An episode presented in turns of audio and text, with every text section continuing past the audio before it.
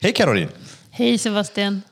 Du är första bagare som får vara med i Bryta bröd. Vilken ära. Ja, men så, och det är inte så konstigt. Du är inte vilket bagare som helst. Vill du berätta lite vem du är? Det vill jag.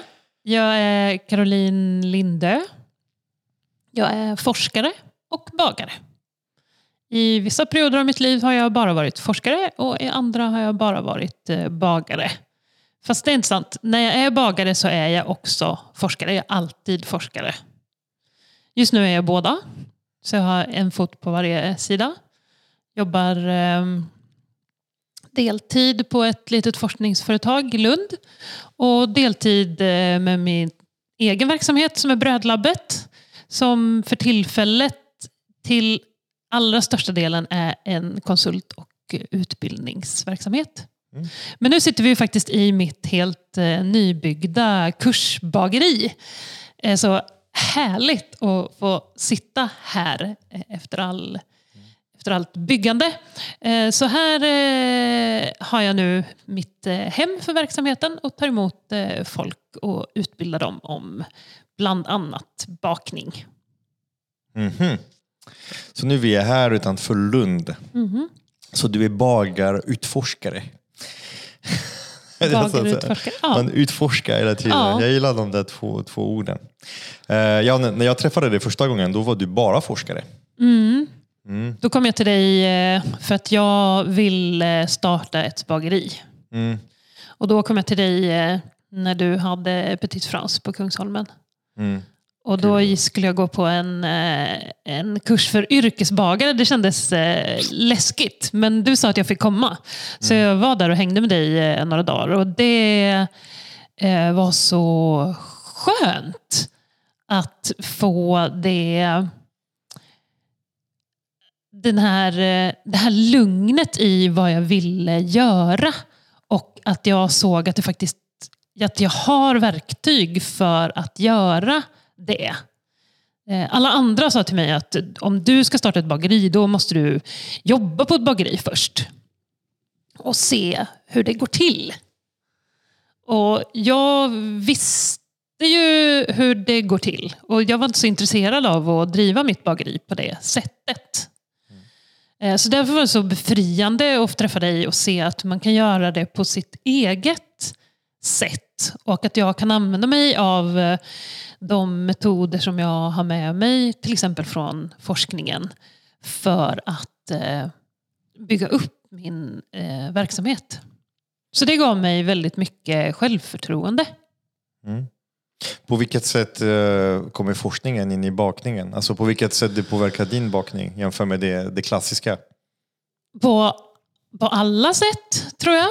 Alltså jag är ju en forskare som eh, redan sedan litet barn så tar jag mig an livet med en vetenskaplig metod.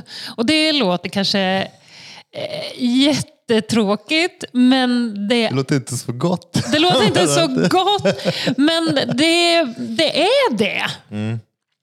För att, alltså, när jag skulle lära mig baka, Eh, det blir ett konkret exempel. Jag skulle lära mig baka och det här var ju eh, det var på nitt- början på 90-talet. Mitten på 90-talet kanske. Och då var ju innan matbloggarna och alla tusen miljarder bakböcker och kokböcker. Och, eh, det var ju inte så lätt.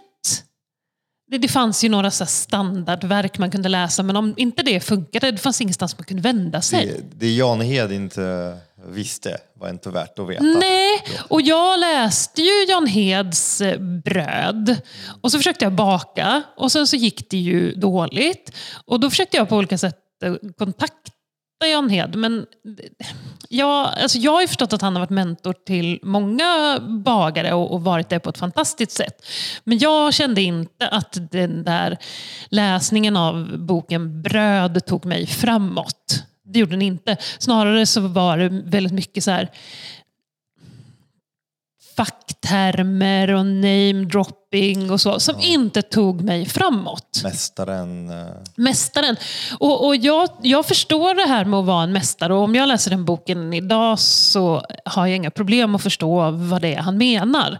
Men för mig, istället för att en surdeg är en levain, en mamma, en, en suris, vad som helst. Liksom en, en, så är det för mig gäst och bakterier som äter mjöl och vatten och förökar sig. Så kalla det vad du vill. För mig är det mikrobiologi och kemi. Och det tycker jag hjälper mig när jag bakar. För att man tar bort den här mystiken runt bakandet. Och en del vill ju inte det. En del vill ju tänka att brödet blev dåligt för att det var fullmåne eller man måste gå tre varv runt huset mot sols först för att det ska funka. Och jag tycker att det som finns och det vi vet är coolt så det räcker. Man måste inte mystifiera, man måste inte namedroppa. Man kan bara nöja sig med att säga det är väldigt coola mikroorganismer som moffar i sig det som finns i mitt fantastiska mjöl och gör saker som är ännu mer fantastiska och goda. Är det inte det, det här mänskliga draget, att när, när man inte förstår någonting, att man har tendens att ge den en mänsklig en själ, en mänsklig faktor för att kunna Jo. förhålla sig till det. Om man inte förstår surdeg, det är ganska lätt. Och det är någonting jag försöker alltid få få, att, att inte se surdeg som en, en organism eller en varelse eller någon slags komplex organism att förhålla sig till. Att det är mikroorganismer som, som de har levt länge nog för att veta vad de ska göra, hur de ska Precis. göra och att att göra den misstaget att humanisera surdegen gör att man börjar ta hand om den. Ja. Man börjar mata den, man börjar ge kärlek och, och, nu, och sen plötsligt dör surdegen. Eh, och det, det är ändå, men det är bra att du gör, att du gör den, den punkten. Jag tycker att under, under den här diskussionen att det, det är alltid kul. Jag älskar att lyssna på det när du, när du pratar om mikroorganismerna i surdegen. Jag tror det är jättemånga där ute som är superintresserade. Så att stanna, eh, för det kommer, det kommer bli nörderi på högsta grad här. Och nörderi har blivit en bra sak. Så att du pratade lite Absolut. innan. När jag, när jag Ja. var 13, att vara nörd var inte bra alls. Nej. Eh, Då hade man lite så smutsig år och Ja. ost mellan tänderna Ja. och, och inte så poppis. Eh, då När jag var tonåring så kollade man på Sabrina the Teenage Witch. Och då så var det de som man hackade på. Det Ja. var the geeks and the nerds. The Geeks and the Nerds och det var inte bra. Men nu, nu är nörderiet blivit bra så vi får passa på. Nu har vi blivit Absolut, coola. jag är nörd. du, du kan vara cool och, och, och, och, vara nörd. Eh, det, är super, det är superhäftigt för att eh, för mig som kommer från den, från den eh, alltså, görande världen. Du kommer det- från den empiriska sidan. Ja, och jag, jag, har inte först, jag har inte fått förklarat, alltså de böckerna som jag också hade när jag var barn var eh, väldigt komplexa och fattade ingenting och det var så här glutennätverk hit och dit, superavancerat språk och det fanns ett känsla av att bagarna ville inte att folk skulle förstå hur det går till och gärna så här, dramatisera det hela och göra det extremt komplext så att det ska inte kunna vara Precis. tillgängligt för fler. Nej. Uh, Medan bröd är så en generös produkt och det är så fint att kunna de- dela med sig. Men för mig som har börjat med att göra, göra, göra och sen min farsa han förstod inte riktigt så mycket men han, han, han, han var grym på att göra bröd. Men han kunde inte förklara varför gör du det? Därför, varför, därför, käften, så här, eh, gör så. Och, och det gjorde att så fort han vände ryggen då, då, då brukade jag göra tvärtom. Eh, inte som man. Så. Eh, och, och, det var, det var, och det märkte han direkt så. Så att, eh, och det är roligt för du, du kom från en helt annan värld, tvärtom. Du förstod kemin och bröd först innan du kunde ju lära dig allt, alltså hantverket och logistiken och flödet. För mig var ju för mig var ju den vetenskapliga ingången det som gjorde att jag fick möjlighet att bli hantverkare. Alltså jag, jag gillar inte riktigt att man skiljer på vetenskap och hantverk. För även om man tänker att vara forskare som, som jag som är medicinsk forskare att utföra experiment och forskningsstudier, det är ett hantverk. Så för mig är forskningen ett hantverk. Och hantverket bagare är, har en vetenskaplig komponent för mig. Mm. För jag, jag fastnade, jag hade ingen att fråga när jag började baka. Eh, så det var inte förrän min hjärna kopplade ihop det här med att det är inte någon mystisk konstig varelse. Utan det här är faktiskt vetenskap. Då började jag, då, då kastade jag alla de där böckerna som jag hade. Eh, och istället så började jag läsa vetenskaplig litteratur om surdeg. Och det finns jättemycket vetenskaplig litteratur om surdeg. Och då så började jag bygga någon form av teoretisk kunskapsbas som gjorde att det lossnade för mig. Jag kunde helt plötsligt göra en surdeg och jag kunde baka med min surdeg. Och fick möjligheten att utveckla hant hantverket därifrån. Är det inte också för att yrket bagare förut var mer kopplat till handlag än själva förståelse över råvaran? Jo, Alltså, du- och det är det väl fortfarande. Ja, det är det fortfarande. Och det är det försöker, alltså det har varit mitt livs kamp. Mm. Att, eh, och det där, tillbaka till, till Jan Hed och alla äldre gubbar som har, som har spridit sin kunskap och eh, Mm. som har verkligen lärt eh, unga att det är händerna som gör jobbet. Mm. Det är inte hjärnan. Det är inte, du behöver inte förstå vad du ska göra på det sättet och att man med sina magiska händer kan förvandla en ganska hyfsat taskigt råvara till en fin produkt. Det är du som ger medvärde till produkten. Och jag kan köpa att som bagare man ger medvärde till produkten men man är bara en brygga och att eh, förståelse på råvara är så himla viktigt. Att, eh, för det där kombination av det plus att när man börjar förstå sig på surdeg, det öppnar också en hel värld för plötsligt vill man inte ha det här mjölpåse som kommer från grossisten. Eller man vill inte ha det här mjöl som är, som är sterilt, vitt, tråkigt, som inte har ursprung, man vet inte var den kommer ifrån. Och som, för det där, plötsligt när man börjar jobba med kulturspannmål, med hela kärna, börja mala, börja experimentera, det, det är där man börjar se, wow, vilket skillnad över när jag gör det här, eller när jag gör det här, eller när jag använder den och den. Och förstår man inte råvara, då blir ju då blir rysk roulette, typ. Ja. Eller hur? Och det är, jag, när jag tittar i backspegeln på mina initiala bakningsförsök så kan jag ju se att mm, mina problem berodde på att jag hade en dålig råvara. Eh, jag förstod inte det då. Eh, för mig så vände det när jag råkade befinna mig i en butik eh, lite längre norrut i landet där, det- där det fanns mjöl på kulturspannmål. Det var, eh, jag fick tag i någon dinkel från västgötarna. Och hade liksom egentligen aldrig hört talas om dinkel. Men det lät ju jättespännande och det stod som en hel pall där ICA Maxi Strömstad. Så då köpte jag så mycket jag kunde bära och så gick jag hem och bakade och så kände jag så här. Men vad, vad är det här? Nu, alltså det, är ju inte, det är ju uppenbarligen inte mig det är fel på. Det är det där jäkla skitmjölet jag har i påsen som det är fel på. Så det blev att verkligen få uppleva det och upptäcka det själv. Det kan jag, jag kan vara lite avundsjuk på dem som blir bagare idag. Som, som får Slipper ganska mycket... Så, där, där man kan få det serverat. Alltså vi, vi är ju nu ett gäng som, som delar med oss av vad vi själva har upplevt och, och de misstag som vi har gjort och kämpat med. Och att, tänk att, att kunna tänka tanken, jag skulle vilja lära mig baka surdegsbröd. Jag kan gå på kurs och sen så kan man få en kickstart. Alltså jag tror jag höll på, från det att jag började, jag tror jag höll på i två år innan det blev någonting som jag ville kalla för bröd. Ja, det, går, det, går, det går snabbare när man går en kurs. Alltså, det är klart, för då kan man, man kan få del av en persons kunskap och, och få allt komprimerat och, och kanske också en...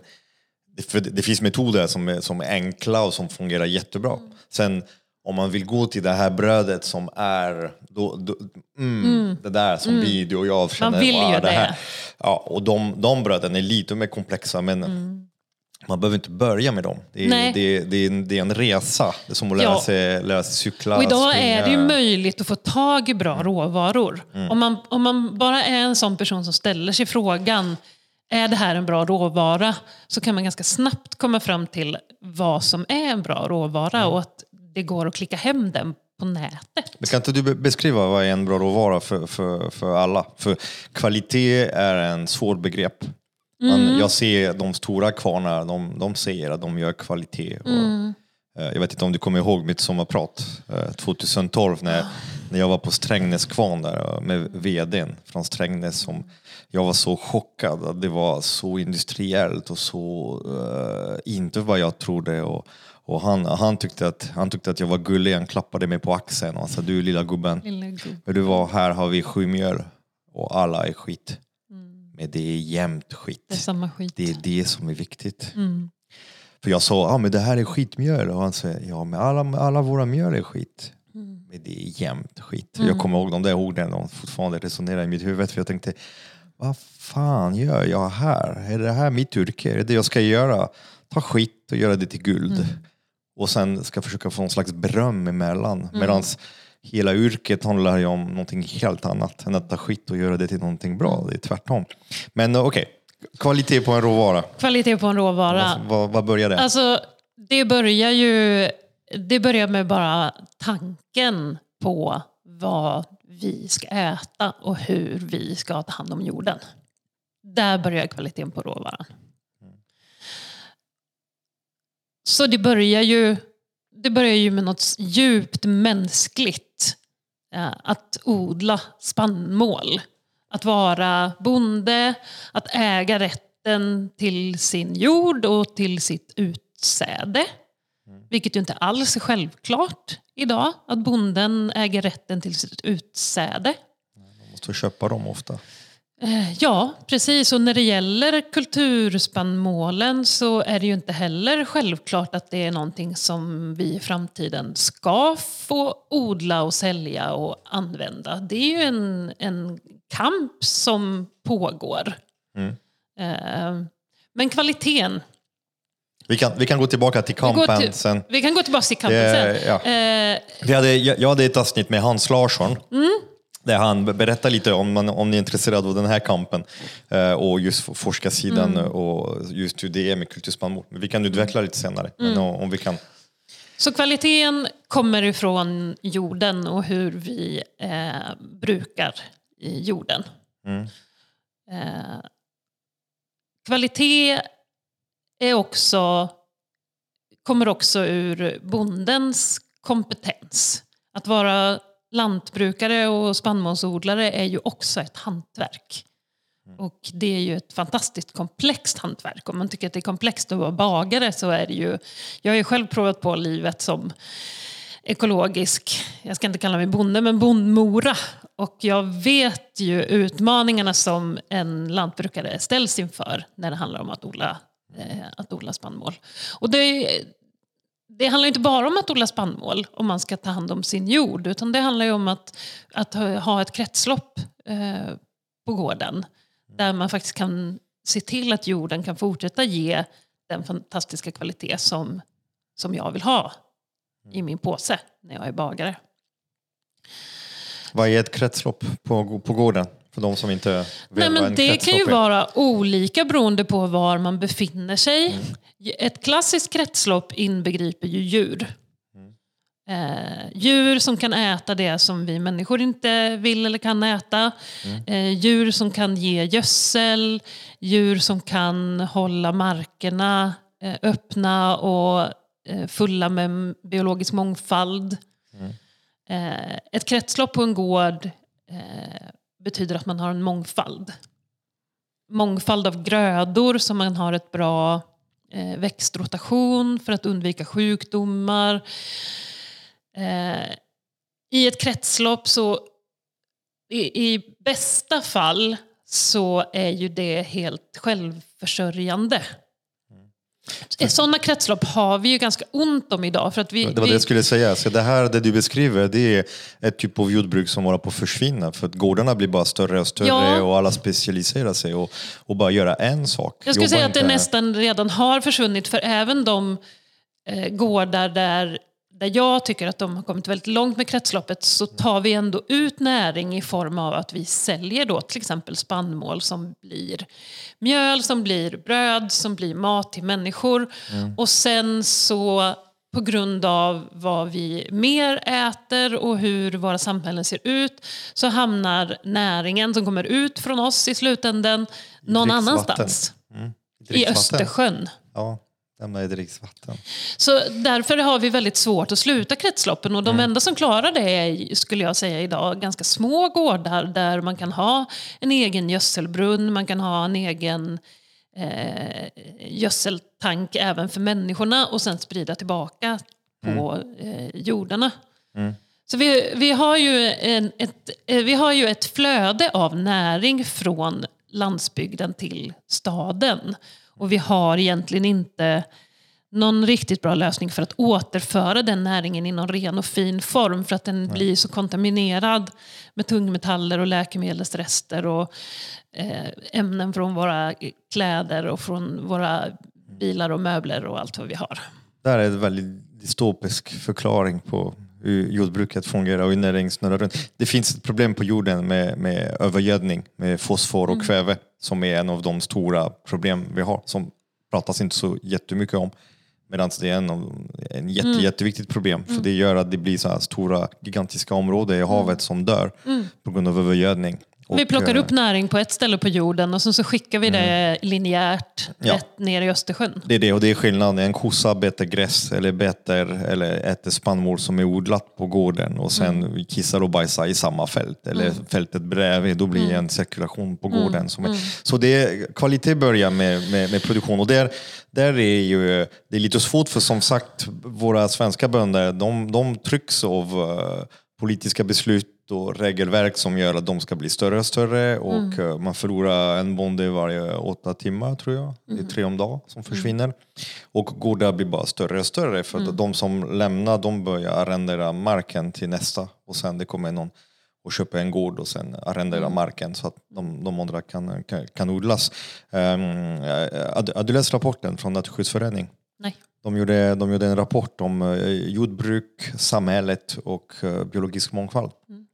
Som är super, super intressant. Jag kan tipsa alla där, ute och, och läsa den för den verkligen lyfter upp de har tagit upp verkligen alla faktorer utan att, att peka med, med pekfingret. För det, och gjorde det väldigt tydligt att de som är stora och inte så hållbara, de är ofta, ofta fast i ett system. De är ofta gisslan i systemet. Men att det var, det var väldigt stora fördelar att ha små jordbruk. Och det som är så häftigt för oss, det är att plötsligt får man också en råvara som är speciell. För att de stora gårdar, de kan inte spåras tillbaka. De ofta tippar sin produktion i en stort silo någonstans och det blir någon commodity som hamnar på världsmarknaden. Eh, Ja, för det är ju också en kvalitetsaspekt. Att jag vet var råvaran kommer ifrån och att den är unik. Jag har den här, säg att jag har 100 kilo eller jag har 10 ton av det här spannmålet. Det finns nu. Och sen finns det aldrig mer. de finns i några år för att spannmål håller ganska länge. Det håller ganska länge, hela- men Ja. även, även under de där åren så förändras ju spannmålet eh, när det ligger där i, i silon. Eh, och det tycker jag är häftigt, för du sa förut att vi är, eh, vi är en länk. Att vara bagare är att vara en länk i en kedja. Brygga. Och det, det tycker jag det blir så tydligt när man börjar att se att kvaliteten på brödet börjar med, med jordhälsan och det börjar med, med jordbrukaren. Och sen går det via bagaren till den som sen ska äta, eh, äta brödet. Och jag tycker det är häftigt att jobba med en produkt som finns nu, som är unik. Och det blir mitt uppdrag som bagare att se den här råvaran, att se kvalitetsaspekterna i den och att lyfta fram dem på bästa möjliga sätt.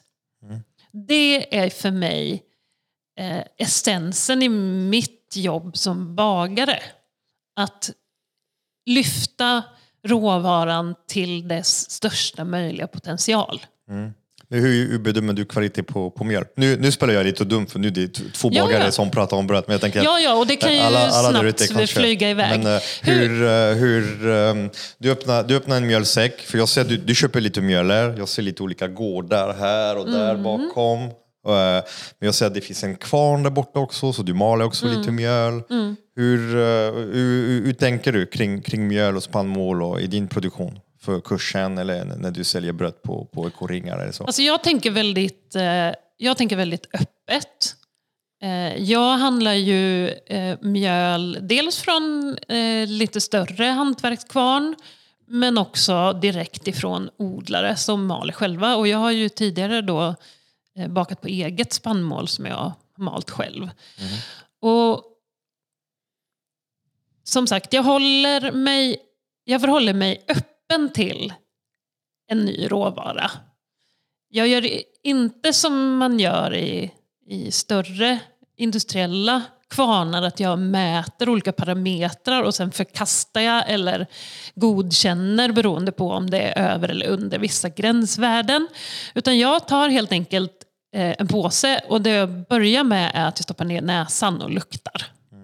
Hur luktar det? Vem är du? Vem är du? Hej mjölet, vem är du? Hur luktar du? Och då kan det hända att det sticker i näsan. Och då är ju... du, andas, du suger in luften för fort. Nej. det kan... Det har hänt att jag har fått en dålig råvara. Ja. Som till exempel är möglig. Mm. Och det känner jag med min näsa då. Jag kan inte känna, jag kan inte känna alla mögelsorter med min näsa. Mhm. Eh, eller det kan vi inte, för all, allting luktar inte. Men om det luktar mögel, då är det ju Mm. dåligt. Om det luktar gott, som i bästa fall som när man går efter skördetröskan på fältet. Mm. Då vet man att nu är det något riktigt bra på gång i den här Ja, påsen. den där sommardoften är ju underbart. Mm. Måste, måste lyfta upp att du har, du har en otroligt eh, doft och smaksinne. Jag, jag har suttit med dig på olika jury och du sitter ju i eh, jury på SM i Mm. mathantverk där vi sitter och bedömer bröd och att du kan sniffa i en skiva och typ hämta typ DNA på, på spannmålet. Det, det, Det är ju både en superkraft och en förbannelse. Ja, Är det ju. det- ja. För eh, saker och ting i världen luktar ju något fruktansvärt mycket Mm, hela tiden. Så det, det kostar ju energi att, att ha vassa sensoriska sinnen. Men det är väldigt bra när man ska bedöma sin råvara. Men vi kan utmana då, alltså om man har köpt mjöl, att man öppnar påsen, dyka anden i, skrubba lite och sen Ja, och dofta. lukta. Mm. Man måste skrubba lite för att va, va, väcka upp lite, lite dofter. och, Värma sen, lite ja. och, och så. och lukta. Och det ska lukta som en varm sommardag eh, Ja. utanför tröskeln. Det ska det göra. Ja. Eh, om, det, eh, om, det, om det är så, då är det bra. Eh, om det är så att det luktar härsket, då är det förmodligen Gammalt. härsket och gammalt. Om och det då luktar fisk då? Om det luktar fisk, då har det vuxit en liten mojäng ute på åkern som Mhm. heter stinksot. Mm. Och eh, den är inte farlig att äta. Så ur ett kvalitetsperspektiv, om man är hungrig och inte har något annat, så går det alldeles utmärkt att ha en äta.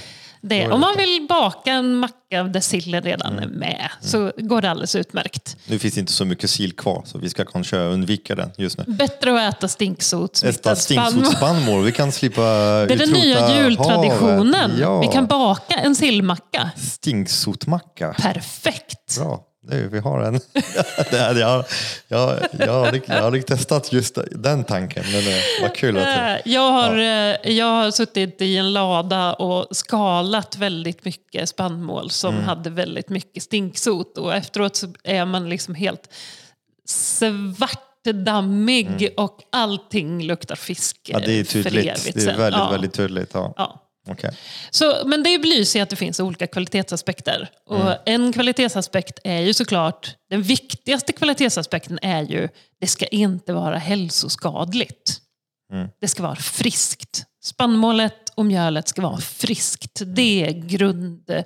Om det är mögelgifter i eller om det luktar mögligt, då har det för mig inte kvalitet. Då kan det inte ha kvalitet. Och nu, och nu pratar vi om inte mjöl man köper från kvarnar som, som nej, är nej, för de överallt. Nu testar det ju det detta. är- utan nu ja. är vi, nu är vi Det är ute... rätt mycket odlare och, och, och Mm. odlare som börjar odla, eller som odlat konventionellt och börjar med Ja. kulturspannmål och där kan kvalitet vara lite... Men nu vi pratar om en, ett spannmål som inte finns i affärerna, där man Ja. behöver inte leta efter stinksot på, Nej, på nej. Ica. Nej. Eh, tänker jag bara. Nej. Ja. Det, det behöver man inte göra. Nu pratar vi om att man köper direkt från en odlare och maler Mm. Ja. själv. Ja. Eller från en Och odlare att det är ett hantverk att odla och det är komplext och eftersom den kunskapen har blivit lite bortglömt, eh, det, det tar några år innan Ja, man kommer behöver in väckas och, upp ja. eh, igen. Och, Ja. och det är det som är så häftigt att se nu att, eh, att eh, lantbrukare och bagare börjar samverka mer för att förstå varandras utmaningar och verkligen förstå det här med kvalitet.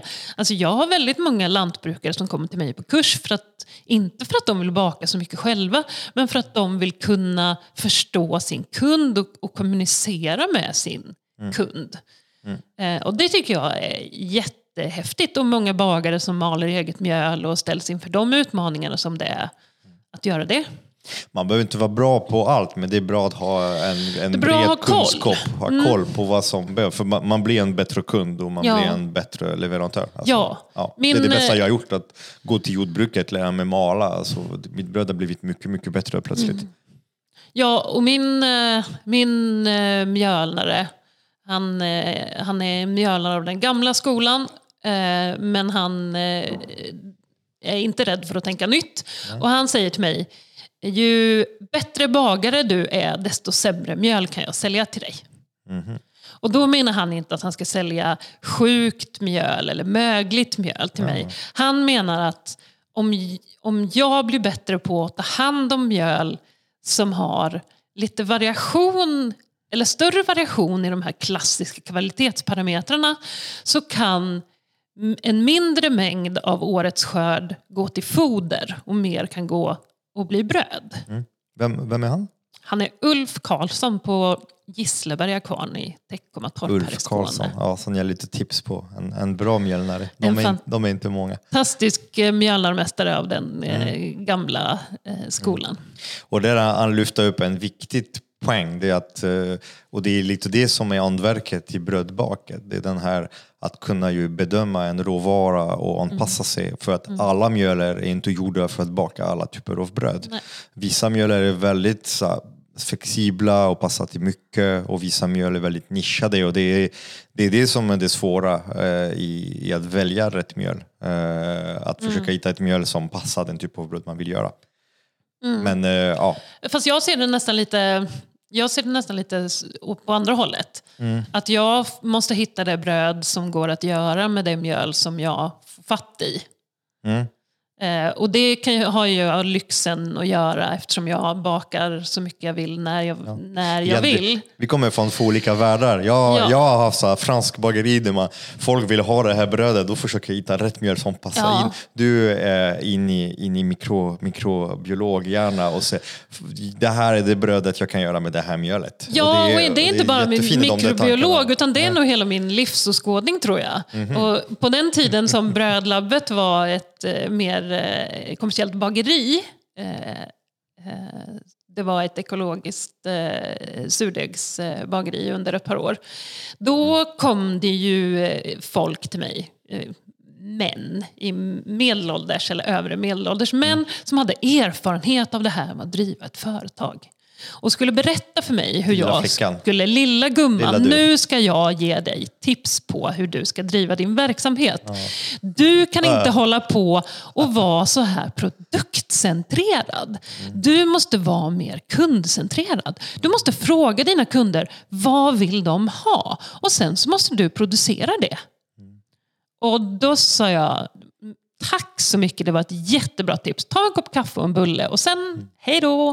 Eh, Eh, och sen när det hade gått ett par år och samma gubbar kom tillbaka och såg att det gick väldigt bra. Då fick jag höra att jag hade talang. Mm. Men det är klart, en kvinna lyckas, det är talang. Det är talang. Det är inte det var inte en jättevass Kunskap, marknadsanalys, det var Mm. inte superbra eh, hantverkskunnande, det var inte att jag hade omsatt min vetenskapliga Nej, nej, nej. kunskap i en affärsidé. Det var att jag hade talang. Ja, men det är bra. Vi, det är där för de som tror att vi har ett jämställt land. Jajamän. Eh, är- Prova att vara kvinna, det räcker. Prova att vara- att vara alltså kvinna, att vara. Mm. vit medelålders kvinna i Sverige idag är ju att vara liksom den kanske näst mest privilegierade gruppen i världen. De enda som är mer privilegierade är ju Mm. De om man skulle vara män. man.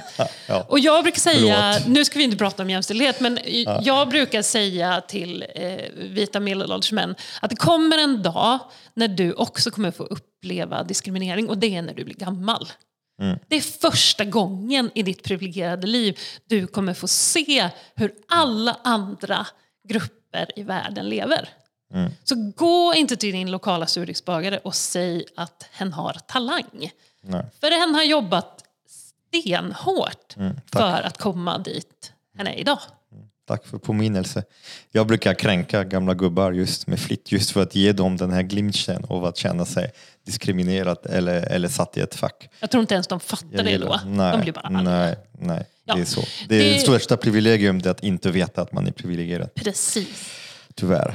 Hur som helst, jag Mm. är jätteprivilegierad som har möjligheten att få stoppa, stoppa ner handen i så många mjölpåsar och sen baka bröd av det. Mm. Och då, eh, om vi ska fortsätta på kvalitetsspåret, Mm, mm. Förlåt, det, det, så har vi då pratat om det som gör att det inte är kvalitet. Men sen så börjar vi ställa frågor om vad är kvalitet? Och då kan vi säga motsatsen till att det ska vara skadligt är ju att det ska vara nyttigt. Det ska vara näringsrikt och det ska vara hälsosamt. Eh, och och det, det går ju att mäta såklart men generellt sett så är det ju så att spannmål är ju bra mat. Om man äter rubbet. Du menar hela kärnan? Hela kärnan. Det bästa sättet att sänka kvaliteten på spannmålet är ju att mala det och sikta bort en massa saker. För det man siktar bort då är ju det som innehåller mest mikronäring. Om, man, om vi nu ska skilja på makronäring som är till exempel då proteiner, fett och kolhydrater.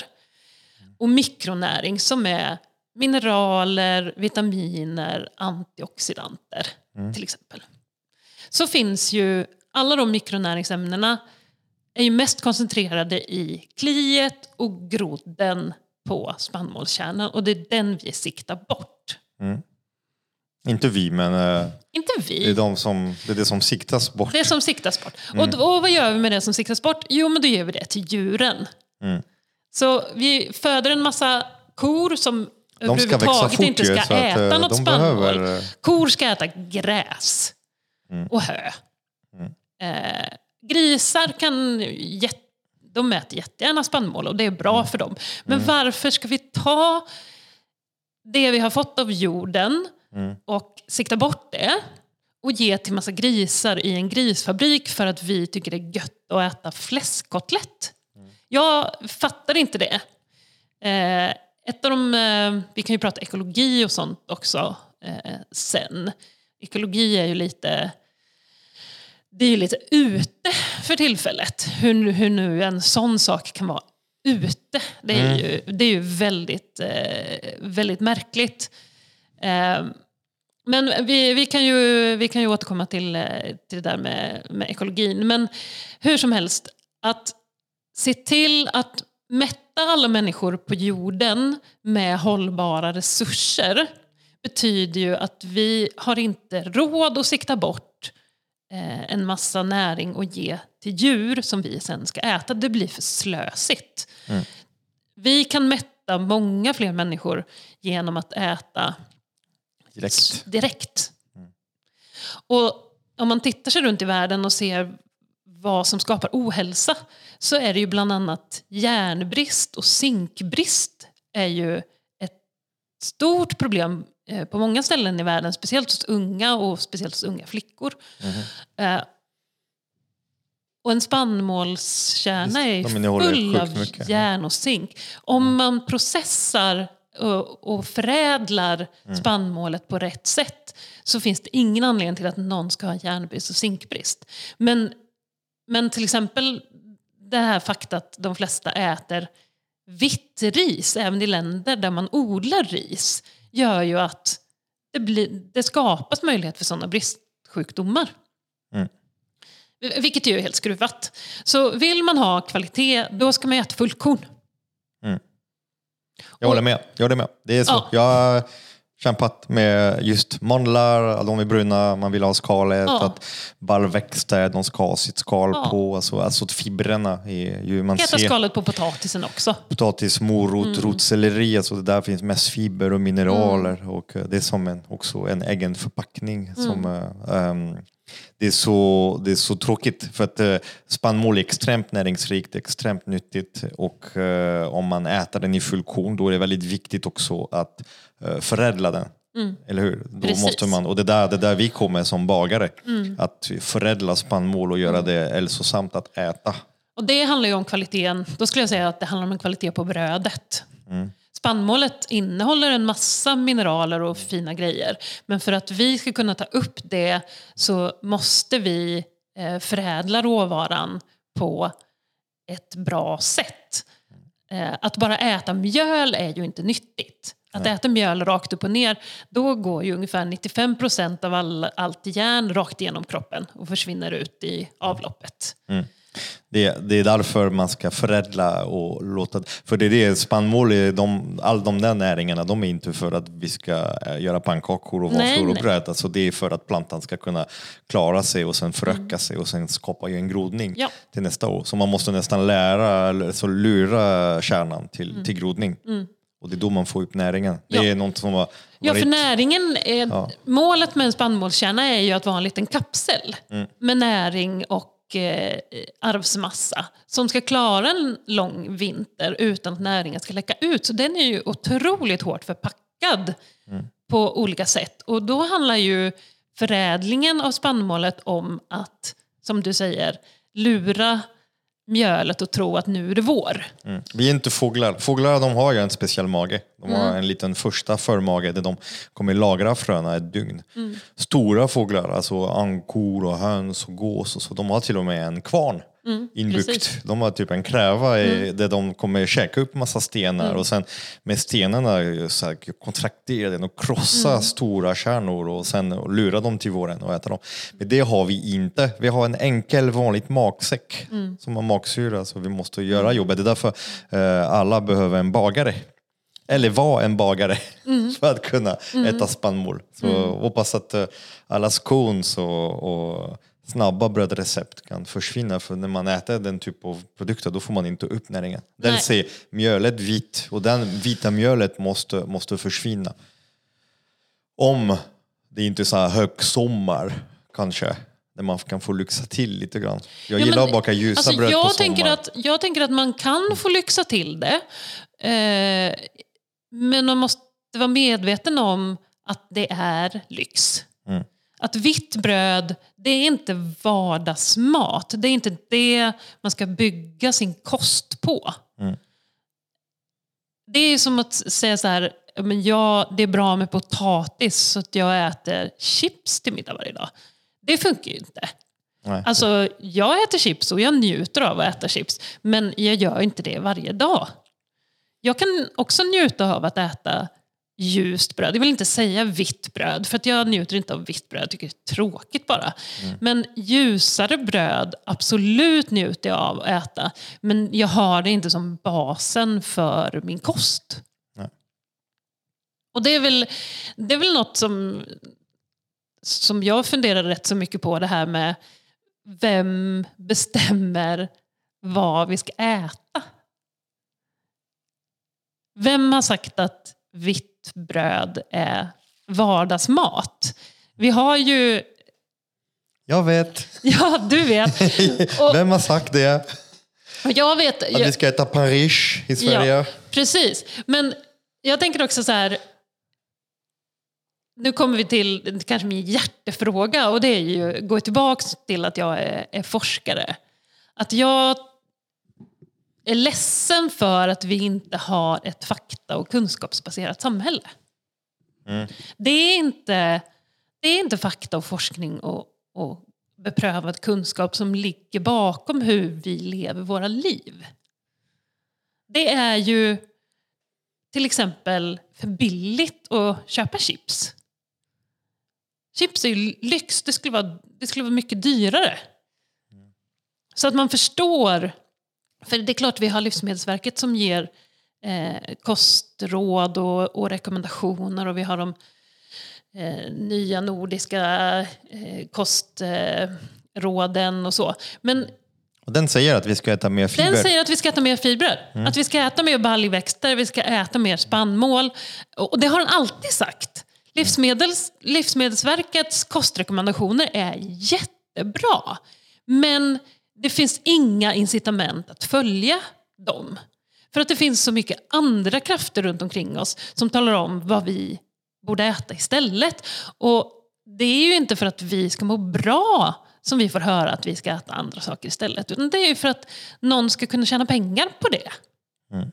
Och vem får betala för det, det är ju vi som får betala för det. Vi får betala med dålig hälsa, vi får betala med våra skattemedel som istället för att gå till att underhålla människors hälsa går till att försöka bota människor som redan har blivit sjuka. Mm. Ja, alltså det, det har vi pratat redan i, i podden om okay. mm. vården. Nej, men alltså det, det är mm. bra uppreppning alltså det, och att just vården är byggt på att 97 procent av vården går till sjukvård och 3 procent går till friskvård och mm. att vi har privatiserat eh, alltså problemen, alltså vinsterna är privatiserade. Så att du mm. har stora livsmedelsindustri, pesticidindustri, konstgödselindustri, frö, maskin, utrustning, logistik, kooperativer. De tjänar massa pengar på, på, på livsmedel och sen skadorna som är orsakade till mm. svenska befolkningen och alla andra i andra länder, mm. det är samma sak i stort sett mm. överallt. Uh, där, den, den kostnaden är nationaliserad, den, den hänger på samhället. Mm. Uh, Medan ICA, Coop, Axfood uh, tjänar miljarder och gör gigantiska vinster och säljer tom, näringstom mat och mat som gör folk sjuka. Mm.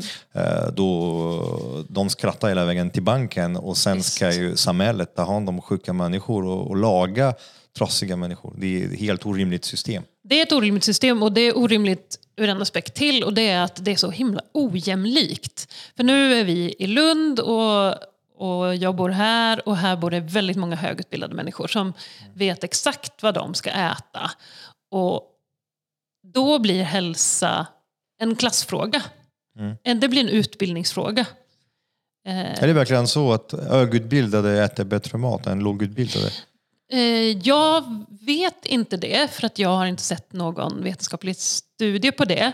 Men om man tar till exempel eh, ett annat land, England, där, där ser man ju väldigt tydligt att det är så att människor med låg socioekonomisk status har ju sämre hälsa. Mm. Ja, det är ofta de som har tillgång till den sämsta, tommaste maten. Den tommaste maten som mm. bara innehåller makronäring men inte mikronäring. Så då måste vi äta så himla mycket för att få i oss den mikronäring vi behöver och då blir vi tjocka och då blir vi sjuka. De, de flesta sjukdomar, våra välfärdssjukdomar idag, går ju att härleda till vår, vår kost och våra levnadsvanor. Jag tycker det är ett sjukt ord, välfärdssjukdomar. Mm. Att välfärden borde, borde, borde tillbringa lycka och ja. glädje och ja. uh, inte sjukdomar Nej. och lidande och psykisk ohälsa mm. och övervikt mm. och så som det gör idag. Uh, men bröd, bröd är ett väldigt bra svar till den problematiken. Och det är kul Absolut. att det har kommit en rapport just med den här nordiska kosten, en råd eh, alltså, som har rekommenderat just att man ska öka intag av kostfiber, mm. mer fiber och uh, att vi ska äta mer mineraler. Mm. Och det, uh, det är ingen svenskar som har brist på protein och kolhydrater. Det är väldigt Nej. tydligt att vi behöver äta mer mikronäringsämne. Mm. Uh, och att de finns ju i spannmål. Och de finns extra mycket i vissa sorters spannmål vilka är de som har mest näring per vikt om man ska prata näringstäthet då? Mm. Har du lite koll på? Ja, det är ju de eh, spannmål som eh, har vuxit, för det första vuxit i jordar där det finns de näringsämnena som eh, spannmålet kan ta upp. Eh, det är spannmål som eh, inte avkastar så mycket. Det vill säga, man kan inte skörda, man kan inte vara med i, i den så kallade 10-tonsklubben. Som betyder att man plockar in 10 ton vete per hektar. Mm. Det är stolthetsklubben. Det är den coolaste har du? klubben, i alla fall här i, i, har i Skåne. tio, jag har elva. 11 ton per hektar. Då är det ju ganska utspätt med mycket mikronäringsämnen. Mm. Så om man då har ett spannmål som kanske inte växer så aggressivt och som eh, får växa i lugn och ro och kanske avkastar mellan 2 och 4 ton per hektar. Mm. Så får man en mycket tätare eh, näringsinnehåll. Mm. Och om vi ska kalla dem för någonting så skulle vi kunna kalla dem för kulturspannmål. Kulturspannmål, landsorter, Ja. äldre sorter, Äldre sorter. Gårdssorter. Alltså, Man lite... skulle kunna säga sådana sorter som är anpassade till att växa i den jord som finns. Platsanpassning är någonting som är väldigt tydligt i, i kulturspannmål. Som, Dels platsanpassning men också anpassning till ett, ett odlingssystem som inte är beroende av insatsmedel. Och då menar jag eh, konstgödsel och bekämpningsmedel. Utan spannmål som är utvalda av odlaren för att de visar goda egenskaper i ett, om vi nu ska kalla det ekologiskt odlingssystem. Ekologisk odlingssystem. Ska vi ta den här hetpotatis? För jag, jag märker att det är väldigt många som har inte förstått sig på ekologi. Och beviset är att vi har tappat otroligt mycket försäljning av ekologiska livsmedel och att jag ser eh, människor, många smarta och väldigt välutbildade och som inte är så fattiga heller, som har ja, men kanske gett upp lite ekologi och tyckte att äh, nej, men det, nu är det dyrt med ekologisk och som har gått tillbaka till, till svensk eller bara konventionellt. Och, så. och det, är, det är en begrepp som jag tycker är väldigt, väldigt viktigt att förklara för att eh, eh, jag skulle aldrig börja köpa besprutat konstgödslat spannmål, potatis, morot, lök eller banan, kaffe, socker. Alltså alla de där basråvarorna skulle jag aldrig börja köpa innan om jag skulle ha tufft ekonomiskt, jag skulle börja köpa mindre, jag skulle köpa mindre kött, jag skulle äta mer gröt, mer baljväxter, jag skulle eh, ja, men kanske börja fasta lite. Det är bra. Två, tre dagar till lönen kommer. Då gör man en liten fasta och då plötsligt det blir ett, då, då slipper man laga mat, äta, diska allting och då gör man en liten tjänst till sin kropp och får en liten, en liten återställning. Det passar inte alla men eh, till exempel för mig passar jättebra så. En liten Nej, fasta, men det, det är- det kan passa alla. Att kanske inte fasta, men att äta överhuvudtaget lite mindre. Mm. Det är du som har lärt mig det här, om man vill leva länge, man ska hålla sig till gränsen på svält. Och jag är ju, alltså jag, jag är ju verkligen inte den som, som svälter mig själv. Jag älskar mat. Mm. Nästan, eh, nästan all min tid går åt till att fundera på vad jag ska äta vid olika Mm. jag med. tillfällen den kommande veckan. Jag och jag älskar att äta och dricka eh, Mm. gott. Det gör jag verkligen. Men, men då ska det också vara bra och det ska vara, vara gott. Ja. Och, och jag håller med dig att jag, jag kan inte se jag kan inte se ett sammanhang eller ett tillfälle där en, min dåliga ekonomi skulle göra att jag slutade handla ekologiskt. För att för mig är eh, oekologisk mat är inte mat. Eh, och, och jag kan ta ett exempel. Jag fick frågan någon gång i en intervju om varför jag började bry mig om mat överhuvudtaget. Och då började jag fundera på det och så kom jag fram till att jag hade så fantastiskt fina matupplevelser när jag var barn. Eh, och då så frågade jag min pappa, hur kommer det sig att ni, min, min pappa han har, han har inte gått ut gymnasiet. Min mamma har gått på gymnasiet. Det är eh, arbetarunge är jag. Eh, vi hade ont om pengar. Pappa utbildade sig, mamma var mammaledig jättelänge med mig och mina två systrar. Vi hade dåligt med pengar och ändå hade vi jättefin mat. Och då så sa jag pappa, men det var ju därför vi hade fin mat. För att vi hade dåligt med pengar. Vi hade inte råd att gå till ICA och köpa fläskkotletter i, i vakuumpack eller sådana här folieförpackning. Mm. Utan vi köpte en halv gris av grannen som hade så frigående gris i trädgården. Och eh, min farbror jagade, så vi hade alltid älg och vi hade rådjur. Farmor odlade potatis och lök och bönor och jordgubbar. Och det var liksom hemodlat och vilt och ekologiskt långt innan det fanns någonting som hette ekologiskt på det sättet. Eller i alla fall i min värld.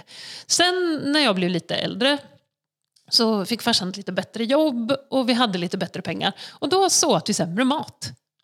Mm. För att det där med att äta den där billiga fina maten, det krävde ju mer tid och energi. Att ta sig tid att odla potatisen och stycka älgen och mala köttet och laga maten från grunden och så. Men för, för mig är ju det, det är, så, det är så jag skulle bete mig om jag fick markant mycket sämre ekonomi. Jag skulle äta det jag kunde odla själv, jag skulle försöka hitta, jag skulle äta sånt saker som, som kanske ingen annan vill äta. Jag skulle inte kunna äta ryggbiff, man kanske skulle få äta fläsklägg istället. Om man nu vill äta du, kött. du vet också vad är kemikalierna som används i en oekologisk odling?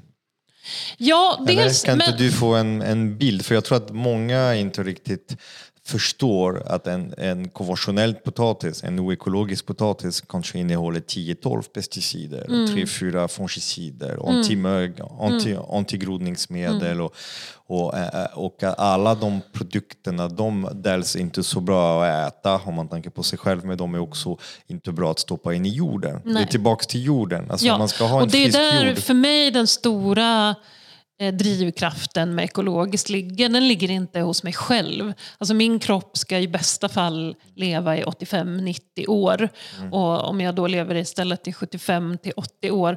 Så det är inte det som är min drivkraft. Utan min drivkraft är att vi, om vi vill vara människor på den här planeten i framtiden så kan vi inte bara ösa ut en massa kemikalier som vi inte vet riktigt vad de gör. Alltså jag, kommer ju, jag har ju jobbat eh, eh, flera år, ganska många år, inom läkemedelsindustrin. Eh, mm. och, och när man ska släppa ett nytt läkemedel så ställs det väldigt höga krav. Det ställs krav på att man vet vad läkemedlet gör med människor. Eller ja, i alla fall män är det ju. Mm, även även där. Det, det, I, de, ja. I de flesta fall. Men de, i alla fall. De, de flesta medicin forskas på män. Det, det håller på att förändras ja. lite. Det håller på att förändras ja, lite, tack och lov. Men, Men eh, man måste i alla fall se vad händer med människor och vilken typ av interaktion kan det här nya läkemedlet ha med andra läkemedel som finns och som de här patienterna kan tänkas De skulle använda vid samma typ av behandling. Tillsammans, ja, precis. precis. Så att de ska vara säkra. Det görs eh, inte på Det görs inte på pesticider. På pesticider. Utan då godkänner man ett och sen så godkänner man ett och så ett ja, till och ett fixar till. man en gränsvärde som, och sen gör gånger hundra så att det ska kännas säkert och bra. Mm. Och sen lägger man inte till att om man har ätit det och det och det och det och det under en dag då är det mm. klart att då har man ackumulerat alla de ämnena. Visst. Och vi kan också tillägga att de hälften av pesticiderna och kemikalier vi tillverkar i Europa, de, de exporteras de är förbjudna i Europa. Ja, ja. Det är otroligt många ämnen som är förbjudna och mm. som uh, skickas till utomlands där man mm. odlar livsmedel mm. som kommer tillbaka till mm. Sverige. Mm. Eh, och det där det har varit en drift av att många har valt svensk svensk odlat för att de tycker att ja, det är bättre. För i Sverige vi har vi, vi har svårare, vi har tuffare regler. Men det känns som att den här håller på att gå försvinna mer och mer. För det är mer och mer som är tillåtet i Sverige och EU tillåter mer användning av pesticider. Mm. Och att uh, det, eftersom de insatsmedel de kommer från utomlands, det blir också lite så här, mm, svensk är, är det bättre för att det är besprutat nära dig? Nej, alltså när, jag brukar prata om närbesprutat och det tycker mm. folk är provocerande att få höra. Mm. För att, och det var ju det som... Det, ekologiskt om vi nu pratar då om ekologiskt som en märkning på mat, Mm. så var ju det väldigt populärt och sålde jättebra. Det bara liksom raketfart ökade och, och folk ville ha ekologiskt och det var nästan som att det var det nya normala att man köpte ekologiskt. Men sen så var ju det tydligen en trend som ersattes med trenden närproducerat. Och då fick ju jag som ekologisk bagare och eh, ekologisk ätare aggressiva eh, diskussioner om att det jag använde som råvaror i mitt bageri och det jag åt var minsann transporteras för långt ifrån och det var minsann dåligt. Och hur skulle man kunna veta att det var ekologiskt? Det var säkert fusk med det ena och det andra. Så att den där, eh, jag är väldigt ledsen över att det där verkade vara en trend med ekologiskt och, och som ersattes då med närbesprutat. Eh, som jag tycker är en mer rimlig term på det. Och, och som, som du säger nu, vad är det som är, vad är, det som är svenskt med en svensk ko eller en svensk potatis eller så. Och där tycker jag, återigen, du får prata med någon annan om det här med om pesticider är farliga för människor. Eh, det, det är de alldeles säkert. Men jag, jag bryr mig mindre om människorna faktiskt, Än, om, än om jorden. Om. Eller jag bryr mig om människor jag bryr mig om mänskliga rättigheter. Jag bryr mig väldigt mycket mer om, om människan som kollektiv än varje individuell människa. Jag tror att varje människa måste göra avkall på vad den vill för något störres bästa. Och det är väl kanske där jag tycker att det här med eh, pesticiderna kommer in på ett annat sätt. Och det är att det skapar en ofrihet hos bönderna. Eh, vi stod, eh, vi stod där inne förut och pratade om att man måste ha rätt verktyg. Och att om man har ett verktyg så försöker man använda det även om Såklart. man, det hade funkat bättre med ett annat verktyg. När man, när man har ett lån på 40 miljoner på den verktyget. Precis. Och jag tänker att det här systemet där man säljer in utsäde som i värsta fall är då så här Roundup ready, så att det tål Roundup. Så att man sen kan köpa Roundup och spruta bort allt eh, ogräs som man Används, tycker. används mycket Roundup i Sverige. Det används mycket På Roundup i spannmål. Sverige. Eh, kanske in, inte så mycket på spannmålet direkt. Det används väldigt mycket på raps. Eh, Bettor.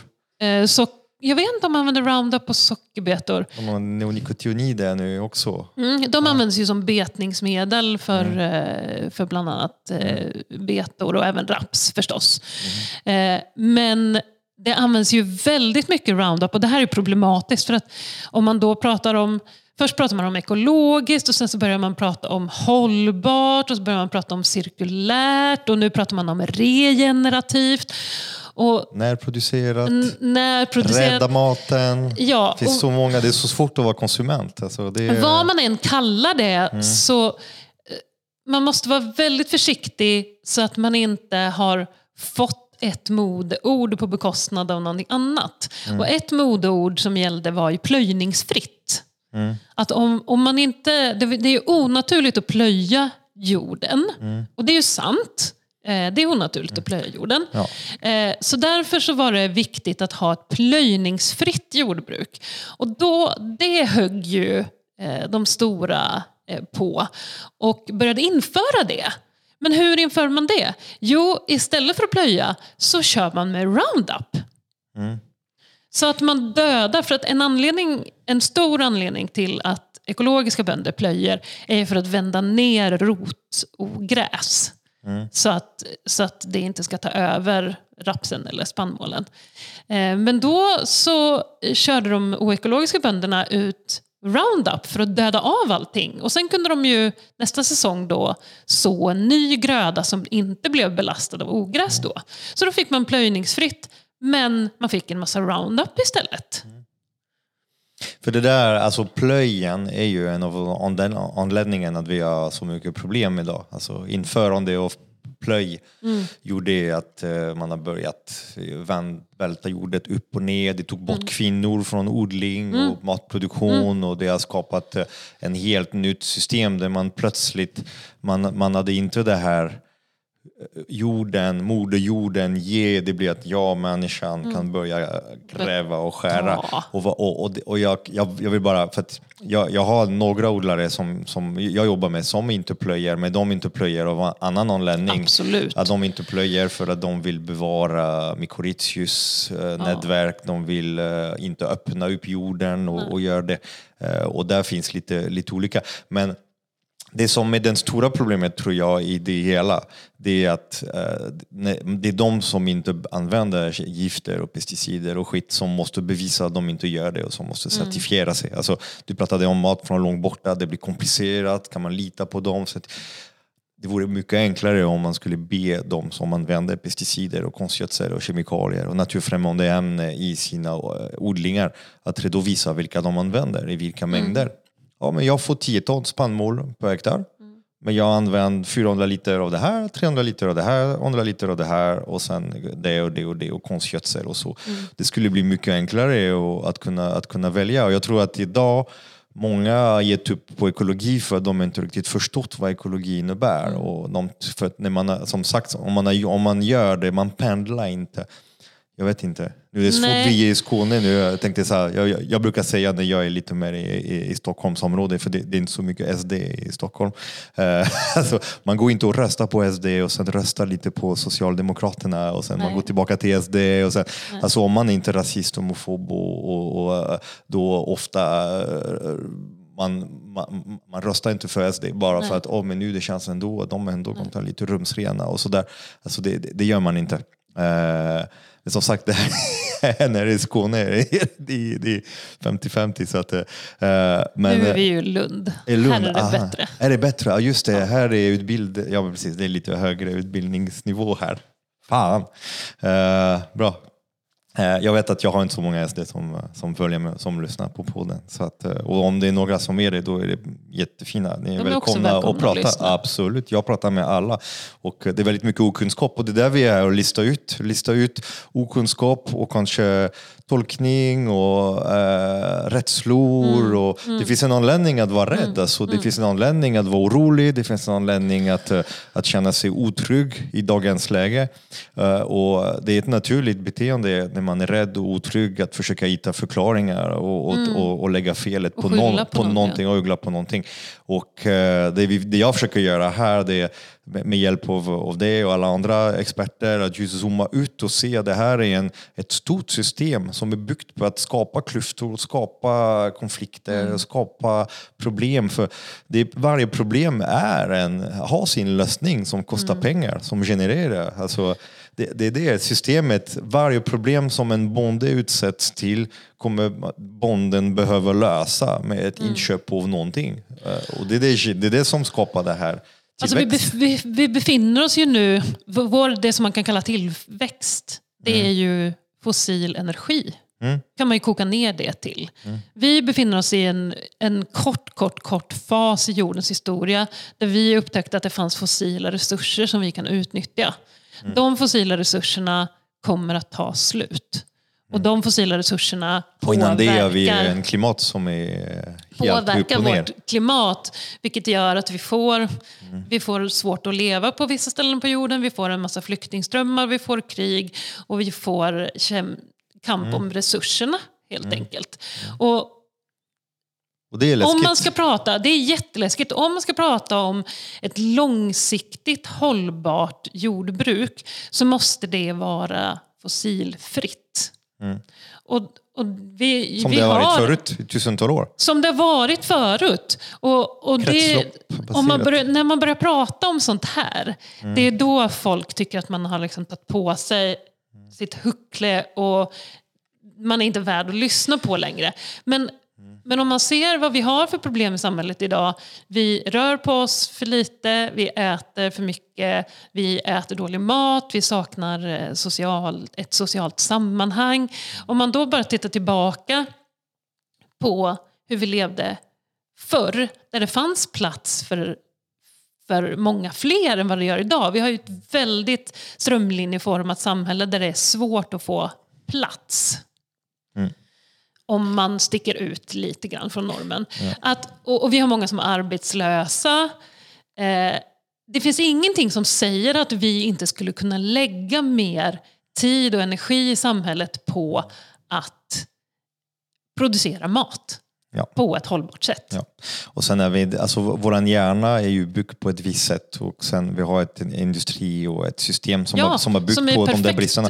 Alltså, man, man söker desperat efter tillhörighet, efter flocken, efter gruppen och det kan man få med sociala medier. Mm. Ja. Ett känsla. Alltså man har ju optimerat sociala medier så att det ger dem där känsla av tillhörighet och flocken och att man är älskad, att man är omtyckt. Ja, och vår och- hjärna belönar ju oss också för att hitta näring. Så här, hur ska vi få, hur ska vi få näring? Det är det, matindustri och våra hjärnor är kopplade. Ja. Alltså socker, fett och salt. Alltså det, var, det är någonting som finns väldigt lite naturligt i naturen. Mm. Så att, eh, Det är klart att när man får ta på det då, då, då Mm. blir man, hjärnan vill ha mer. För de vet precis. att eh, det är tillfälle, det är så vårt hjärna är byggt. Och eh, det är det, alltså hela, hela eh, alla de där impuls man får dagligen med ett lite plastigt, eh, artificiell eh, tillfredsställningstekniker som ger oss massa belöning på olika sätt, höger och vänster. Vi har optimerat allting, alltså allting är optimerat. Och där man har tappat lite sig själv i vad är viktigt, vad är det som, eh, vilken typ av mat man vill äta och vad den ska komma ifrån och, eh, och det, eh, jag tror att vi måste, eh, ja, vi måste ta ett nytt tag. Det där har jag sagt länge och som bagare det blir, det, det blir extra tydligt.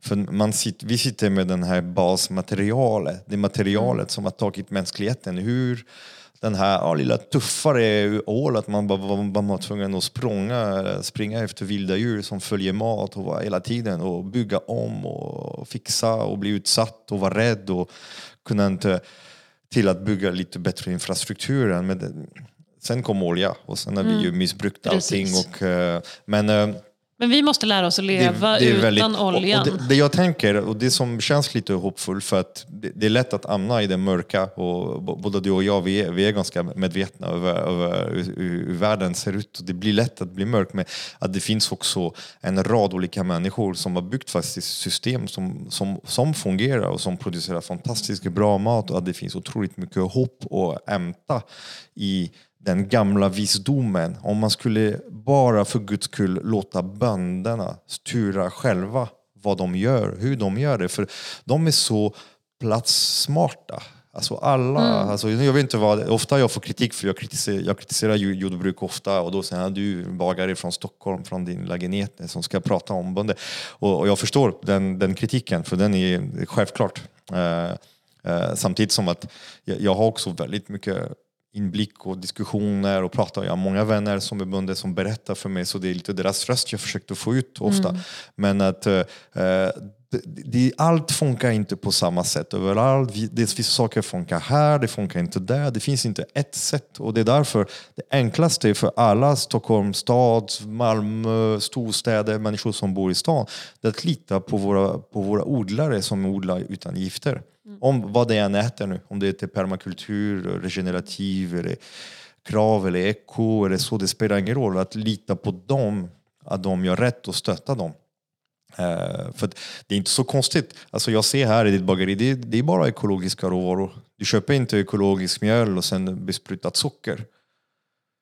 Och det finns en anledning till det, för det, det är krångligare, det är dyrare, eh, folk förstår inte, de flesta inte ens förstår det. Och det är där jag, jag tänker, om, tänk om alla kunde börja fatta vad är det vi gör, vi som är bryggor mellan produktion och konsumtion, hur vi kan få fler att stötta de som gör rätt nu idag. Det, det, är nu, det är nu alla behöver hjälp. Alltså, om fem år är det för sent. Ja, och det var lite dit jag ville komma med det här med pesticiderna. Att det, det, gör ju, det tar ju kreativiteten bort ifrån bönderna. För även bönder är ju känsliga för att passa in och göra som, som man ska göra. Alltså att, jag har ju levt med en bonde som, som följer sin tro på vad som är, vad som är bra och vad som är rätt. Och jag har också sett hur andra bönder ser på honom. Och att det, är, det kräver en väldigt stark person att stå emot normen. Mm.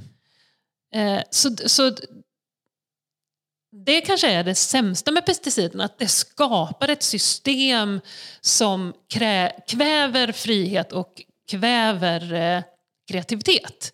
Där annars varje bonde... Alltså det finns ju en anledning till att, att, att kommunisternas värsta fiende var ju bönderna.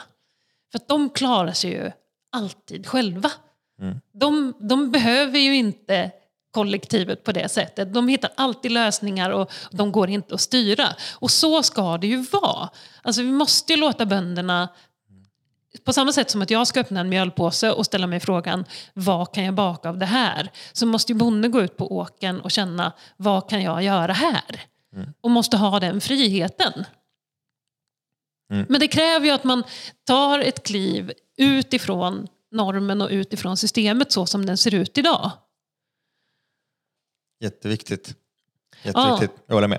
Så går det när man pratar om Så mjölkkvalitet. nu har vi, ja, ja så är det. Då hamnar man, och du, nu vi har pratat om, nu det är snart, det är typ en timme, med en timme Mm. vi har pratat och vi har pratat mest om, om jordbruk och jorden och så. Och det är en så viktig del i, i brödet. Det är, där, det är verkligen är det ju där det börjar. Men när jag har mitt, eh, när jag har mitt ekologiska, friska, fina spannmål som är malt. Eh, Eller nej, det är inte ens malt. För sen börjar ju nästa kvalitetsparameter. Hur är det malt? Ja. Hur maler man mjöl? Och, och hur maler man mjöl för olika ändamål? Och, och, och vad är bra och vad är, vad är mindre bra? Det skulle vi ju kunna prata om i, i flera timmar.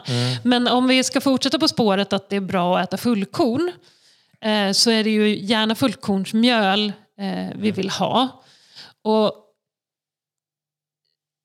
jag tillhör ju de som gärna äter fullkorn, som gärna vill äta fullkorn och det tror jag att många, många andra vill också. Men när de väl sitter där med sin fullkornsmacka så känns kanske inte den så härlig. Mm, det är lite mer att tugga på. Det är lite mer att tugga på, det kanske blir lite torrt och lite kompakt och i värsta fall lite smuligt. Och, Alltså nästan som att man sitter och tuggar på en bit wellpapp.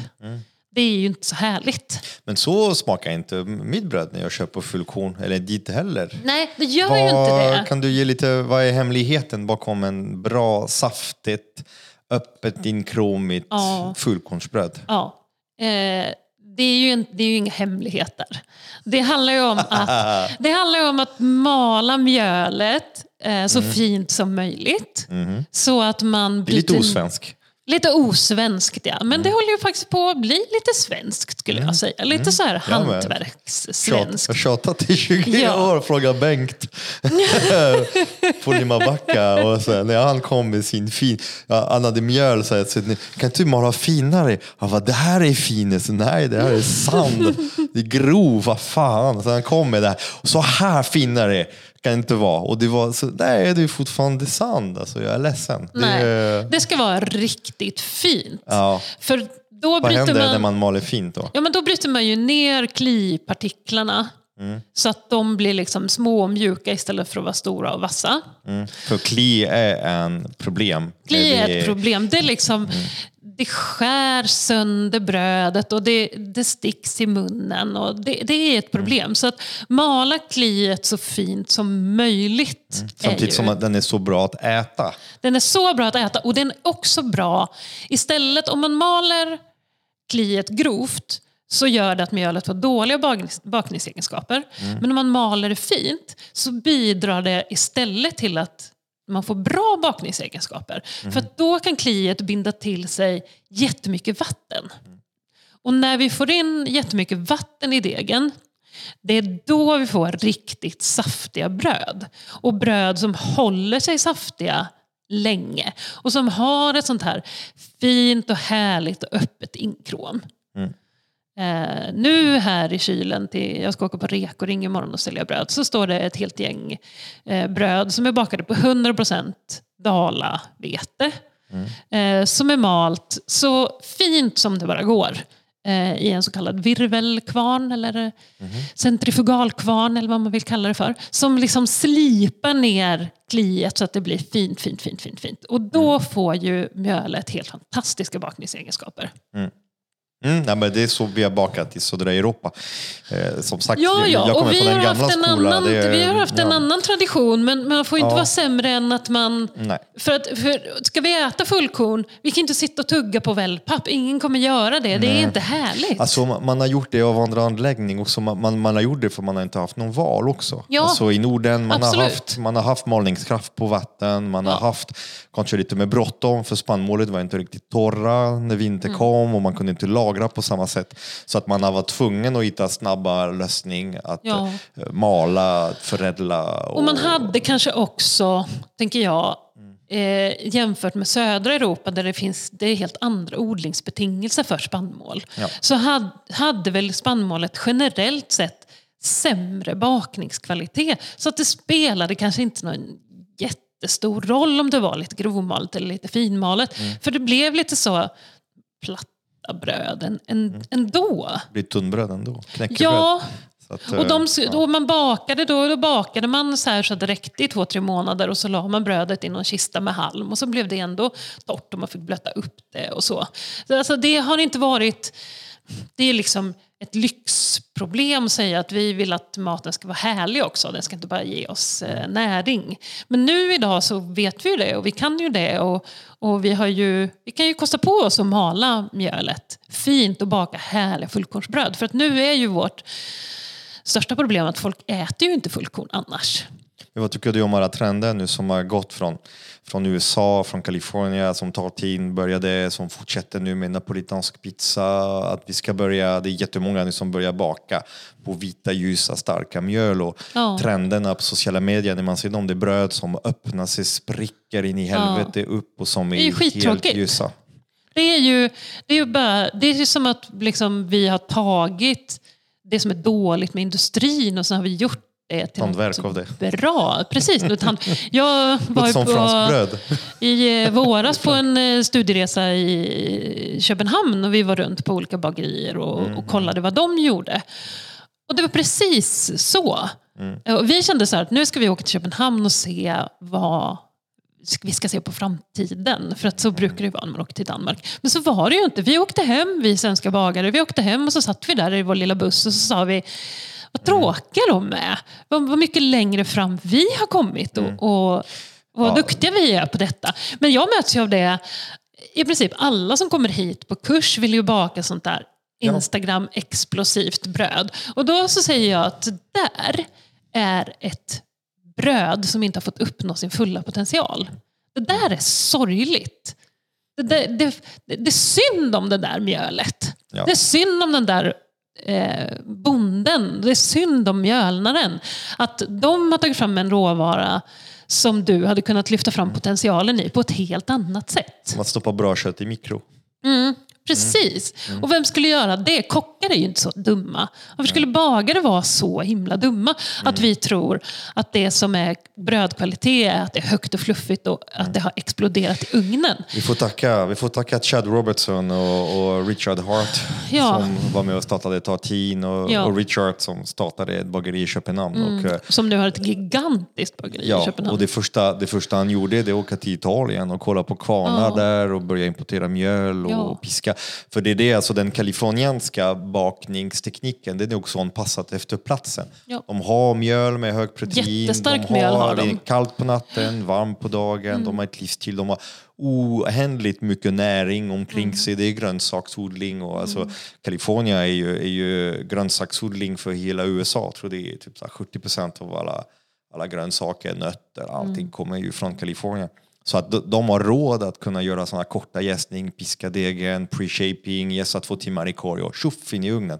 Men i Norden, vi behöver ju ta vara på våran råvara på ett annat sätt. Och det är där vi Absolut. måste ha plats. Alltså att ta in trender, att ta in influenser som vi gjorde med nordisk mat och att ta in franska, italienska tekniker och sen med våra råvaror. Att ta in dalavete, att virvla den väldigt fint och sen använda en surdeg som inte är superduper sur och göra ett hyfsat luftig bröd som har öppet i en krom, som är mild, som är tror jag vi har jättemycket att vinna på för det, det är gott och det är hälsosamt. Men att gå in i vitmjöltröskeln och eh, Nej, men det är ospännande, det är, det är bara visuellt tråkigt. spännande. Det ser Ja. bra ut på Instagram, Ja. inte i magen. Men jag tror ändå, där tror jag att vi svenska hantverksbagare håller på att förändra den bilden. Eh, och där drar ju både du och jag vårt strå till stacken genom att bedöma bröd i SM i mathantverk. Där det blir tydligt att det är inte den typen av eh, explosiva, eh, vita, starka industrimjöler som går vinnande ur den fighten. Utan det är den bagare som kan använda sin lokala råvara och lyfta fram den på ett, ett bra sätt som, som, som får höga poäng.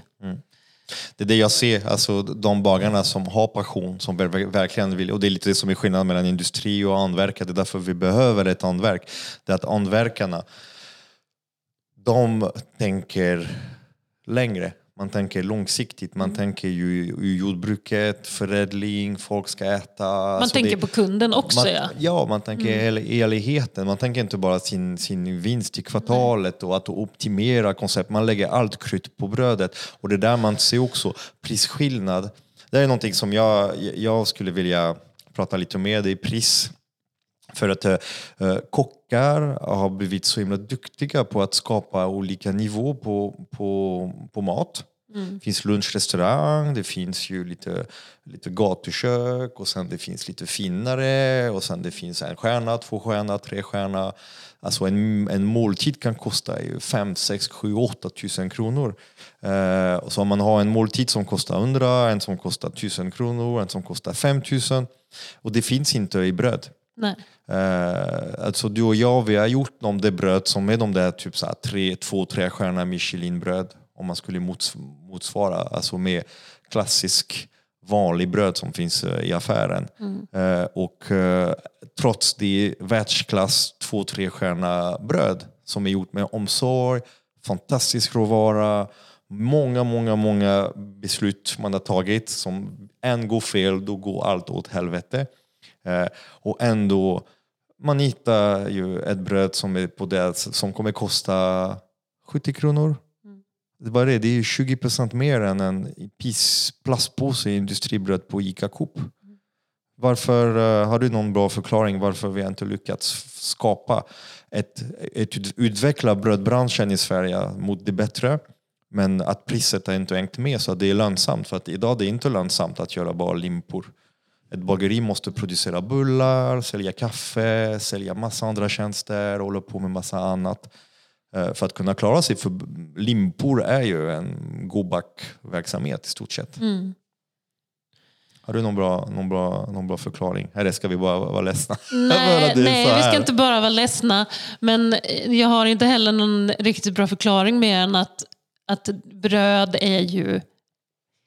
Folk är så vana vid att bröd är en billig industriell råvara. Att jag tror inte ens att de har tänkt tanken att bröd kan vara någonting annat. Vi har ju sett eh, olika livs och njutningsmedel i samhället genomgå en resa, som till exempel vin. Eh, var ju någonting som svenskar inte begrep sig på överhuvudtaget. Och det har ju nu, nu, nu vet ju alla någonting om vin och alla eh, förstår att det finns Ja, det är 63 tillsatser. I, Ja, att det finns eh, billiga viner och så finns det dyra ja. Okej, ja. viner och det finns fina viner och man kan gå på vinprovning. Och samma sak Mm. har hänt med öl och har hänt med kaffe. Mm. Eh, och jag tror att vi behöver se till att det händer också Mm. med bröd. För kaffe gjorde att de gör speciell kaffe. Bra kaffe, det är speciell kaffe. Varför kanske ska vi börja kalla våra... Jag, jag vägrar kalla mitt bröd för speciell bröd. Jag tänker att det är ju pågen som ska skriva luft, tom, industriellt snabbjästbröd. Men nu idag de använder kärlek och Ja. andverk och stenugn och surdeg. De använder en massa begrepp som de inte ens praktiserar i verkligheten. Det är bara ord.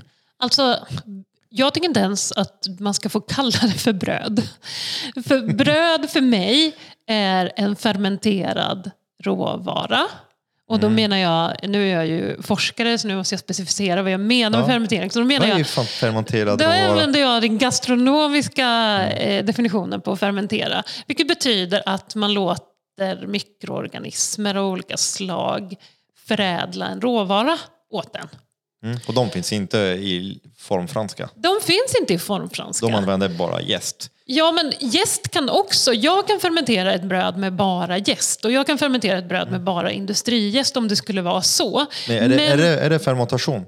Om det är bara jäst? Ur ett gastronomiskt synvinkel så är det det. Mm. Ur en strikt eh, molekylärbiologisk och kemisk så eh, nej, det är det inte. Mm. Eller hur? Man, man har tagit bort en delar av processen och sparat det som är lönsamt. Ja, det finns, en, luft. ja, det finns en väldigt snäv definition eh, som kemister använder på vad fermentering är och det behöver vi inte ens prata om för det är så otroligt komplext och inte användbart i de här sammanhangen. Okej. Men problemet med den industriella processen är att det går så himla fort. Mm. Det händer inget med mjölet.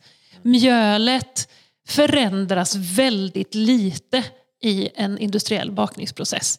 Medan så som jag bakar och så som du bakar och som alla andra hantverksbagare i Sverige bakar så låter vi mjölet förändras i grunden i degen. Och vi låter mikroorganismerna göra sitt jobb med mjölet. Vi låter enzymerna i mjölet jobba och skapa en helt ny grej. Det tycker jag är bröd. Det som säljs i affären i påse och kallas för bröd, det tycker jag att man skulle kunna kalla för kanske en kaka.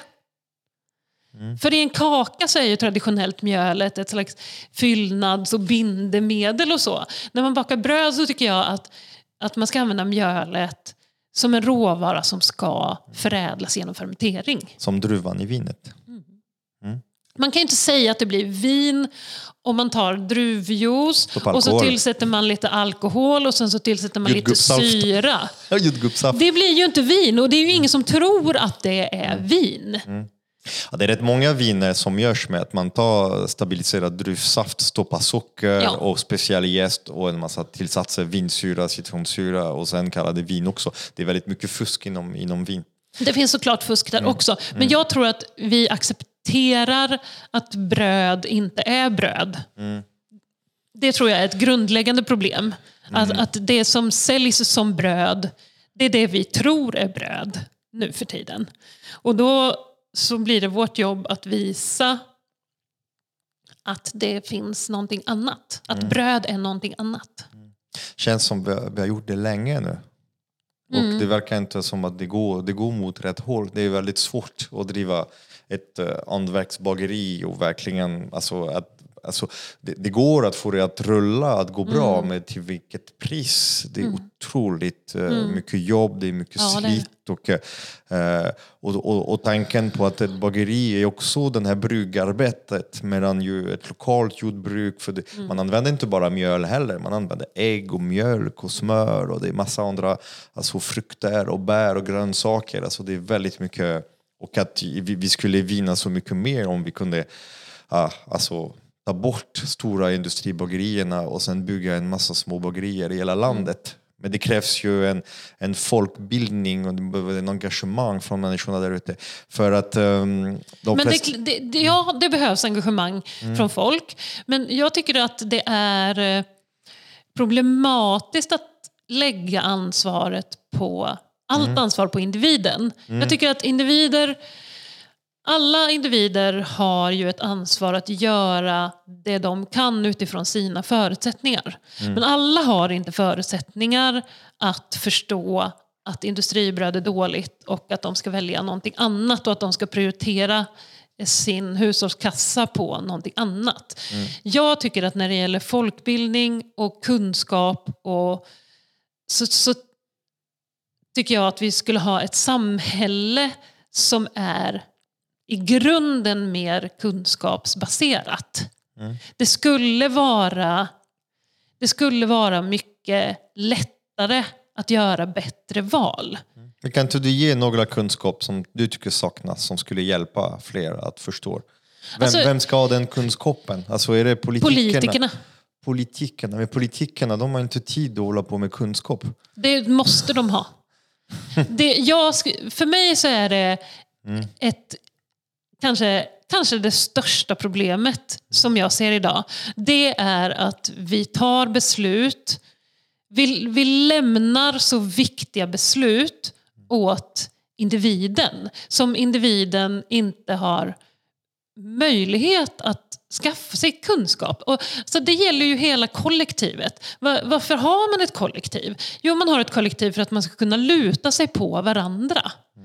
Eh, om jag blir sjuk så jag är inte så, nu vet jag att det finns folk som gör det, att de googlar och sen så eh, beställer de något eh, skumt läkemedel på nätet för de tycker att de vet bäst själv. Men samhället tycker i alla fall att om jag är sjuk så ska jag ringa till vårdcentralen. Och där finns det utbildade läkare. Eh, om jag får barn så måste de gå i skolan. De har skolplikt. Jag förväntas inte utbilda mina barn själva. Eller själv.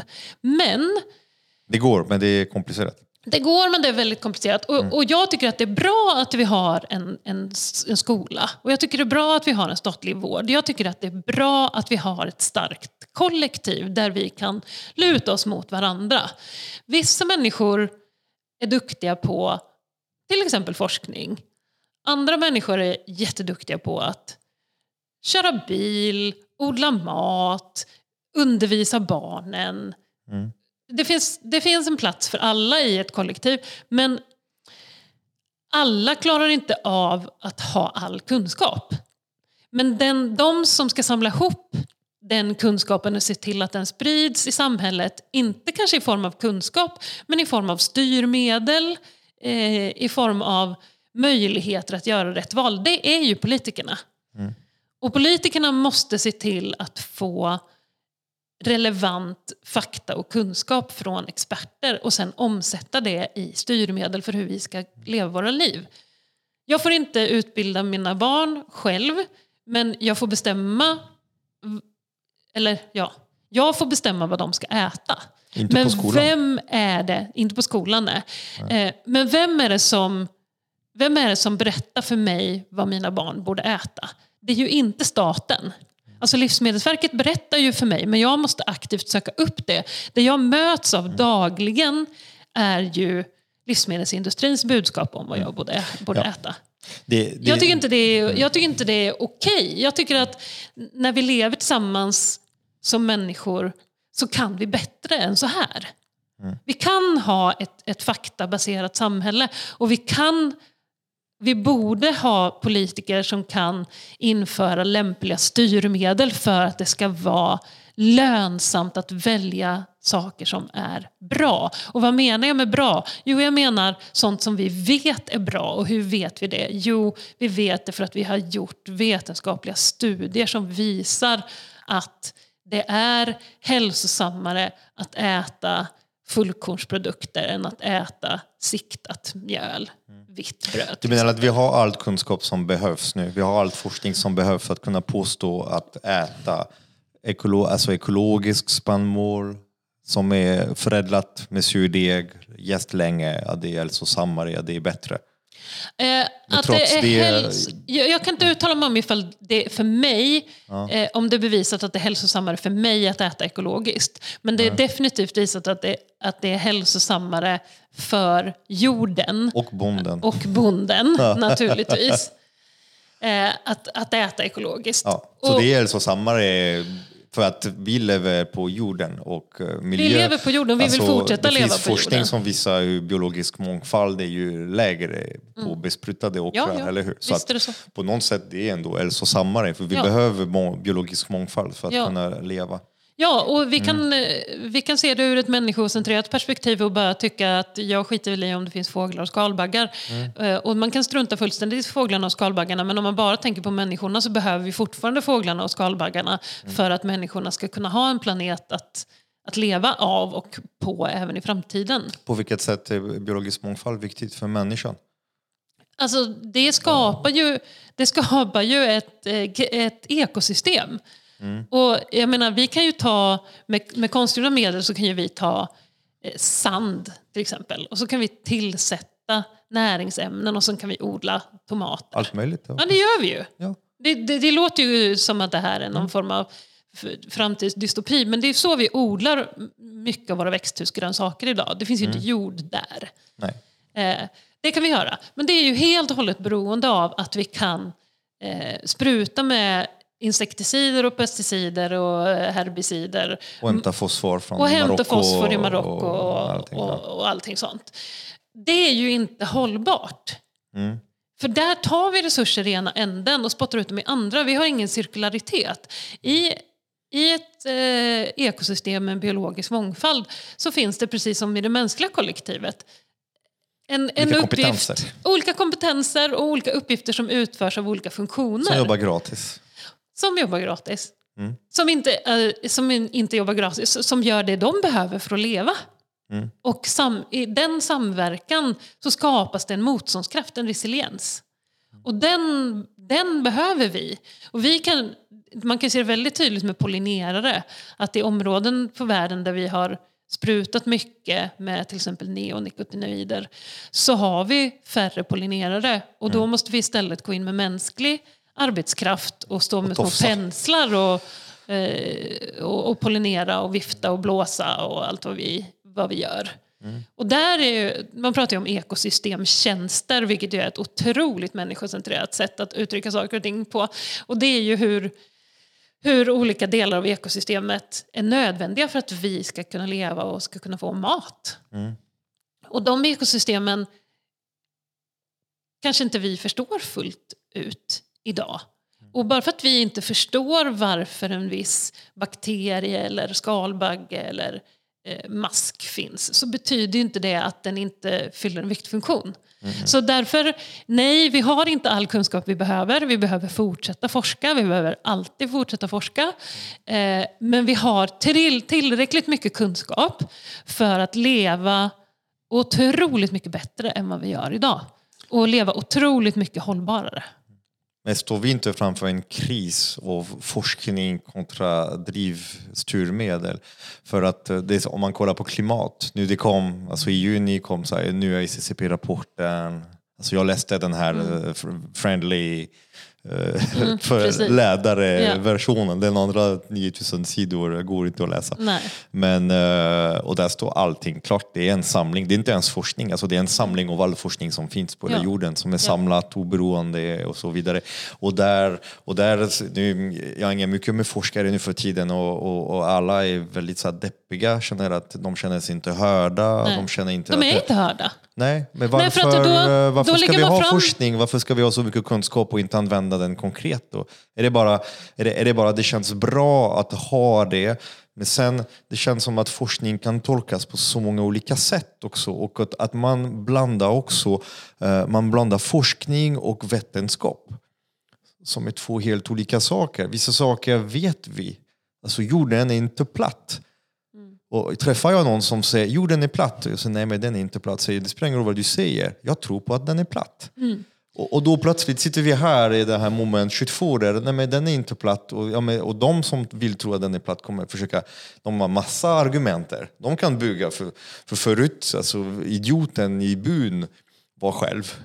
Nu de har ju ett nätverk eh, och på sociala Absolut. medier och kan prata med varandra och bygga på massa De är nya... inte längre bara idioter Men i byn. men de får plats i de får debatten, de får jättemycket plats i att det finns fortfarande människor som kan ju gå ut och säga att ja, men vi kan äta pesticider och de är helt okej och vi kan äta Mm. det och folk som är utbildade, folk som är, det finns en rad forskare som fortsätter att pro, promota eh, och, och det, det, när jag ser det blir, blir också så här, jag förstår att folk blir också, vad ska vi tro nu? För att forskning är så otydlig, känns det så. Man har inte kunnat riktigt, eh, alltså det, inte forskning i sig, forskning är skittydlig, den säger det här är fel, det här är bra, om vi gör så, det här är bättre, om det gör så, det här är sämre.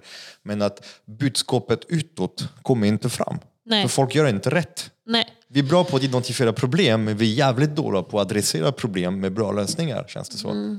Och det här, jag tänker att det inte är, det är inte du och jag och vanligt folk som ska förstå forskningen och omsätta forskningen i praktiken.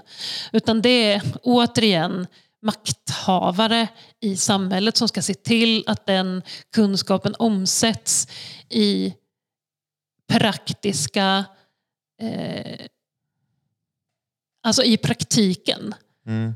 Så att folk får leva efter den. Som, som, man kan ju ta vår sjukvård till exempel. Vi har, ju, vi har ju en statlig sjukvård och den är ju så kallat evidensbaserad. Vi behandlar sjukdomar med läkemedel som vi vet, eller andra typer av behandlingar, som vi vet med vetenskapliga studier att de fungerar. Mm. Det är så vi gör.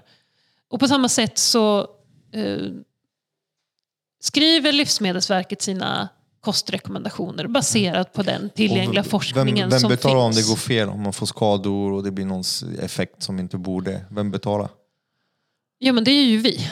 Det, är det inte läkemedelsbolaget som har gjort fel eller som har orsakat Ja, det- en skada? Som då kan man behöver- ju stämma läkemedelsbolaget. Ja, och de ska betala. Kan man, man kan inte göra som med livsmedel. Nej. Om man eh, plötsligt man har ätit massa McDonalds och sådär. Sen Och man så blir fått tjock och får diabetes. och, och, och massa olika andra sjukdomar. I och för sig det är några sådana som, som Ja, har... det finns ju sådana fall. Det, det finns sådana fall. Men det är väldigt... eh, Ja, och jag tycker att det Mm. är upp... Det är, jag, jag tycker kanske att makthavare har missförstått sin roll lite grann. Och det är, vi har ju ett system som främjar kortsiktiga lösningar. Och Mm. långsiktigt bra lösningar är ju jobbiga. För det betyder att folk måste göra uppoffringar. Är det makthavare som är problemet? Är det det systemet de är i? För den är gjord för det kortsiktiga. Alltså man, är, Ja. man, är, man har fyra år på sig och man har en full rad av uppmärksamhet och övervakning och, och man måste kommunicera på ett visst sätt. Alltså, jag, jag träffar många politiker och alla säger att det har blivit svårare och svårare att vara klok och duktig och bra och följa, följa forskningen för att folk vill Nej, men de ha tror inte på annat. forskning. Nej, men de vill ha annat. Folk verkar bry sig mer om gängkriminalitet och pension och räntor än att, Mm. att vi ska ha en framtid gemensamt. Eh, Nej, men det finns ju jättemycket forskning också. Det finns ju också jättemycket forskning om hur man, eh, hur man jobbar förebyggande mot gängkriminalitet. Mm, Men det är ju inte de besluten vi tar i samhället. nej. Vi, alltså, Vänta, de snabba Vi tar dem- som visar effekt på en och gång. inte bara att de, de visar inte ens effekt, men det, det ser ut som att man visar handlingskraft. Istället för att säga vi ska bygga flera fritidsgårdar och utbilda fler fritidspedagoger och ha fler lärare och ha en skola som är anpassad efter alla. Så säger vi att vi ska ha mer poliser. Ja. Tungt beväpnade poliser. Och så vi ska ta hårdare tag nu. Och det är ju tvärt vad forskningen säger om hur man stävjar gängkriminalitet. Och där, alltså, jag tycker verkligen att, att jag skulle vilja ha makthavare som, som rakt ut säger det här kommer att ta tid, det här kommer att bli obehagligt, ni alla kommer få göra uppoffringar men det är så här vi vet att man når resultat i de här frågorna.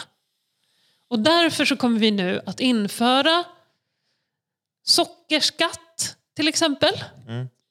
Då kommer hela industrin och ICA och, och Mm. Men bara är det, är det de som och är folkvalda? Är det de som ska styra vårt samhälle? Det är de som gör det idag. Jag Det är vet. de som styr. Alltså det, vi har industri, alltså det är industri, livsmedelsindustri. Alltså om du kollar i alla, alla Mm. västvärldens eh, demokratier är ju eh, industri, de stora Lobbyverksamhet. som bygger lobbyverksamhet, Mm. som finansierar kampanjer, placerar kandidater och som stoppar, inte minst i mitt land, alltså i Frankrike. Mm. Alltså Macron han är, vald av, alltså han är vald av ett rad olika, olika människor som hade ett intresse att ha honom på plats där och som ser till att han gör det, det han, det han Mm. är ombedd för deras intresse.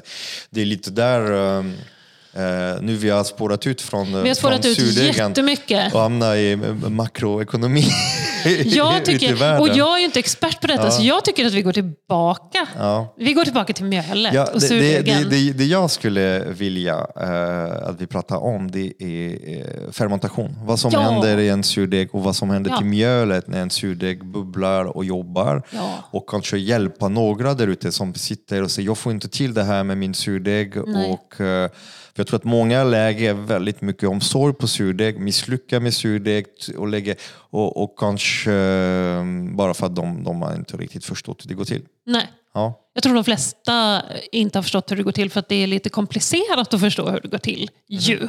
Okay. Ska jag försöka Ja. dissekera? Jag försöker dissekera. Dissekera och göra det begripligt. Ja, då går vi tillbaka till mjölet och vad som är kvalitet på mjöl. Eh, om man ska fermentera mjöl så måste det finnas näring till mikroorganismerna. Och om man eh, bakar med ett recept från hemkunskapsboken så tillsätter man ju socker eller honung eller sådär så att gästen ska få någonting att äta. När man, när man eh, bakar med surdeg och när man bakar hantverksmässigt så gör man inte det. Utan då ser man till att det socker som gästen och bakterierna behöver, för att de äter i första hand socker. Att det kommer loss ifrån mjölet. Och det finns väldigt lite fritt socker i mjöl. Eh, bara någon ynka liten procent eller en halv procent sådär. Och det tar slut ganska fort. Så därför måste man se till att det frigörs nytt socker från mjölet. Och var finns sockret i mjölet? Jo, det finns ju i stärkelsen. Som är typ största delen av mjölet. Den största delen av mjölet är stärkelse.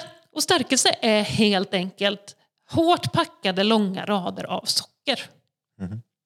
Och för att de ska kunna frigöras så måste det komma små eh, molekylära saxar och klippa bort sockermolekyler från stärkelsen. De eh, kallas för enzymer. Och eh, de enzymerna som klipper socker från stärkelse de kallas för amylaser. Det är samma enzymer som vi har i munnen som bidrar till vår matsmältning. Så då är det ju viktigt att det finns tillräckligt mycket amylaser i mjölet. Och det mäter man i mjölet genom att mäta något som kallas för falltal. Det är ju ett konstigt namn och ja, det går till på ett konstigt sätt också. Okej. Men, men det man kan komma ihåg är att om mjölet har ett lågt falltal så finns det mycket enzymer. Och har ett högt falltal så finns det lite enzymer. Och man vill varken ha jättemycket eller jättelite. Man vill ha lagom. Lagom, såklart. Så nu blir Sebastian glad när vi säger lagom. Det ska finnas lagom mycket enzymer som klipper av lagom mycket socker i lagom takt så att gästen och bakterierna i surdegen har någonting att äta hela tiden. Eh, så enkelt är det egentligen. Sen tar ju då eh, gästen och bakterierna socker, eh, stoppar in det i sina små celler och så omvandlar de det till energi så att de kan växa och bli fler. För det är det de vill. De Som, vill vara många. som alla andra levande varelser på den här planeten så vill de bara växa och bli fler. Om det går bra då vill man komma. Bara, det är bara de är lite snabbare än vad vi är. För De är lite snabbare. för De är encellmikroorganismer. Men precis, de är encelliga. Bakterier är jättesimpla organismer. Gäst är lite mer komplicerade varelser. Men bakterierna de förökar sig genom att dela sig och bli två. Mm. Så då blir de två identiska bakterier. Och hur lång tid det tar beror på en massa olika parametrar i degen. Dels beror det på hur mycket näring de får. Om de har fri tillgång på näring, då är det bra. Då kan de bara växa på. Sen beror det på hur varmt det är i degen.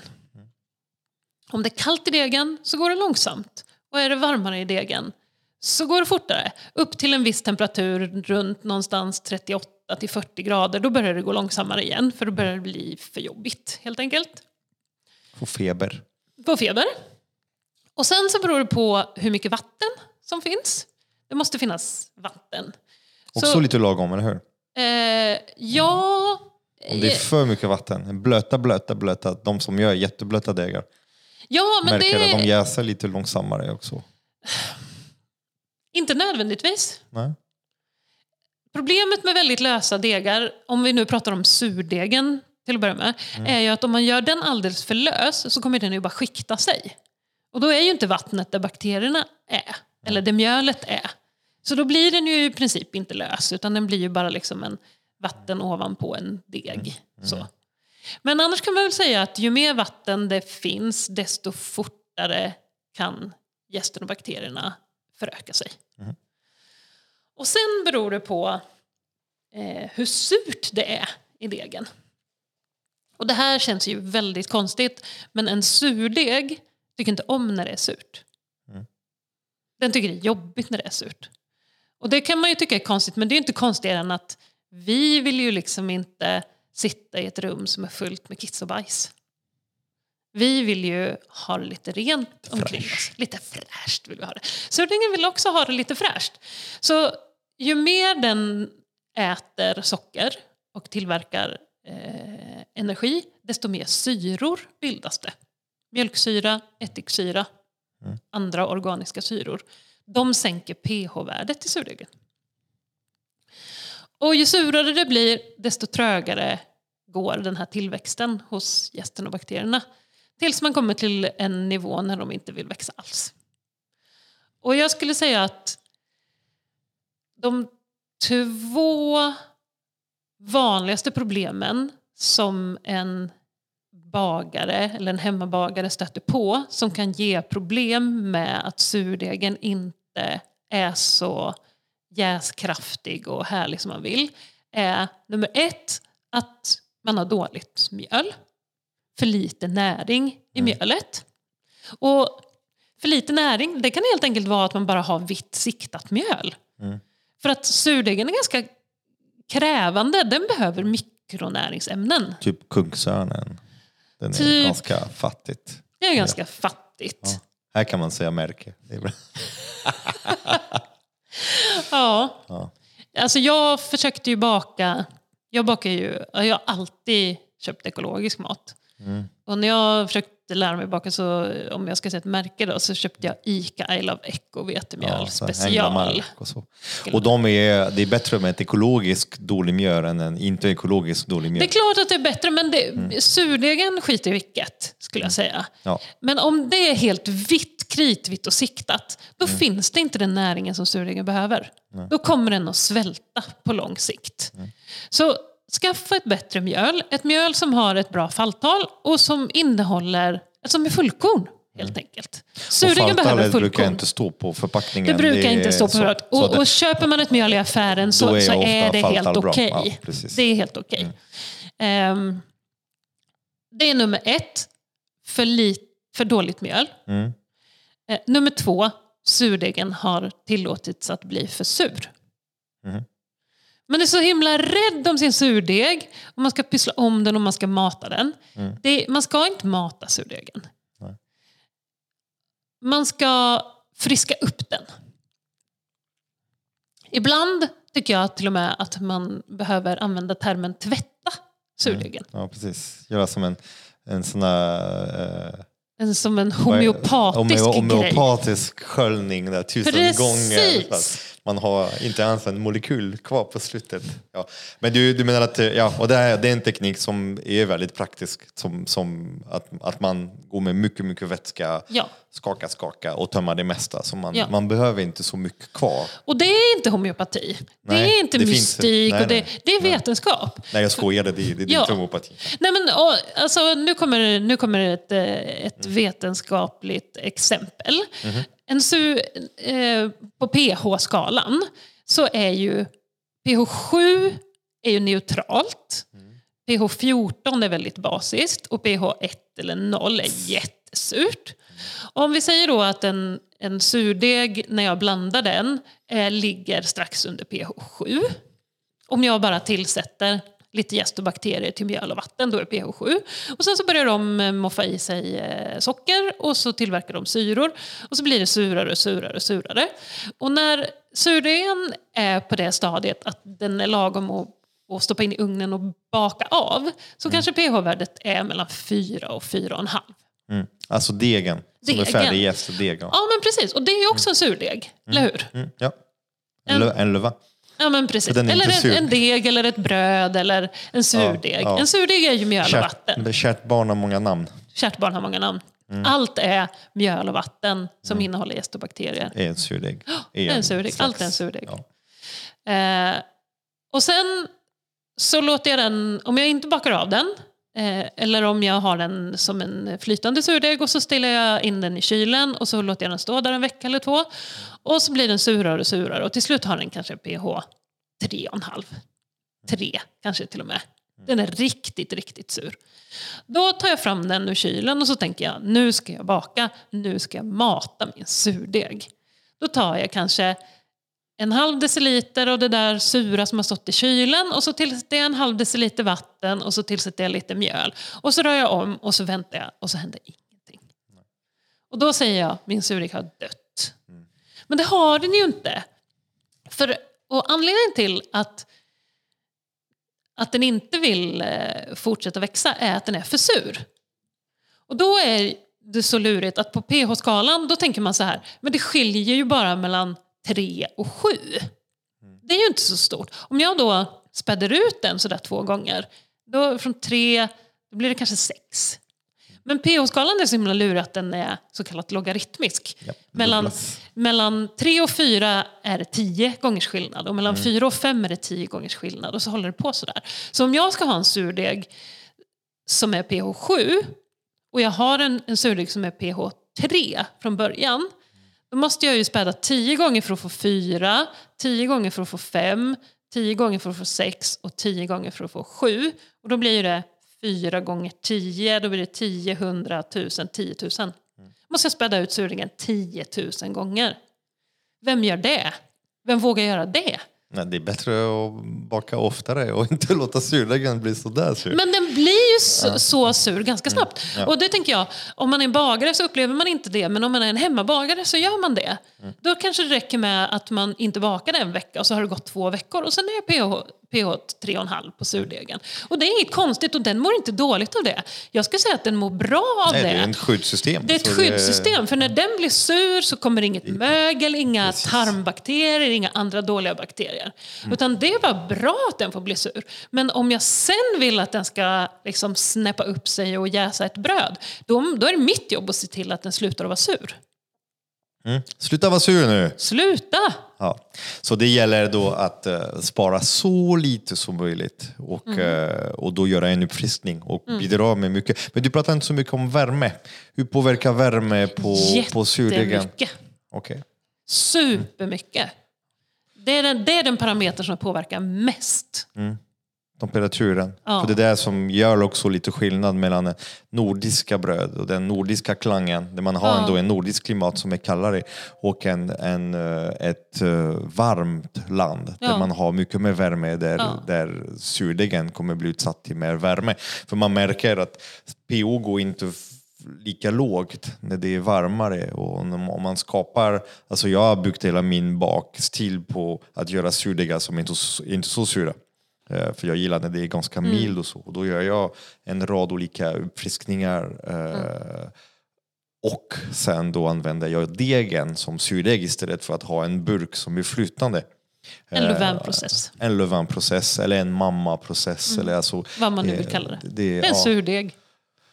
Ja, en surdeg. Mm. Och, det är, eh, och, och det som är befriande med levain-tekniken det är att man, man har bra bröd, bra levain, alltså det brukar lira, men det funkar bara när man, när man, Man bakar ganska ofta. Ja. Ja. om man bakar ofta. Om man inte bakar så ofta då är det lite mer komplicerat. Mm. Okej, så uh, surdeg är enkelt men komplicerat. Mm. Det är enkla mikroorganismer. Eh, jag gillar dem för de har funnits så himla länge. De har en grund av... Alltså, det är, visst är mjölksyrabakterier anaerobiska? Ja, Det är mjölksyrabakterierna. Ja. De är inte, och, och vad jag har lärt mig är att alla anaerobiska bakterier har sitt ursprung i grunden av jordens bildning i början. Alltså det är en 3,5 miljard år period utan syre på jorden. Och det är där alla de där bakterierna har utvecklats. Så att på något sätt, när man har, förstår det, man har en process som består av mikroorganismer som har evoluerat syrefritt, utan syre på jorden i 3,5 miljarder år. då borde vara jävligt bra. Och det är där jag tycker det är så fascinerande att kunna förlita sig på dem. Ja. Luta sig mot dem Ja. och använda dem för att kunna transformera ett spannmål som vi inte skulle kunna äta och göra det ätbart. Och det är dessutom nyttigt och gott. Så att... eh, ja och, och att förlita sig på den processen.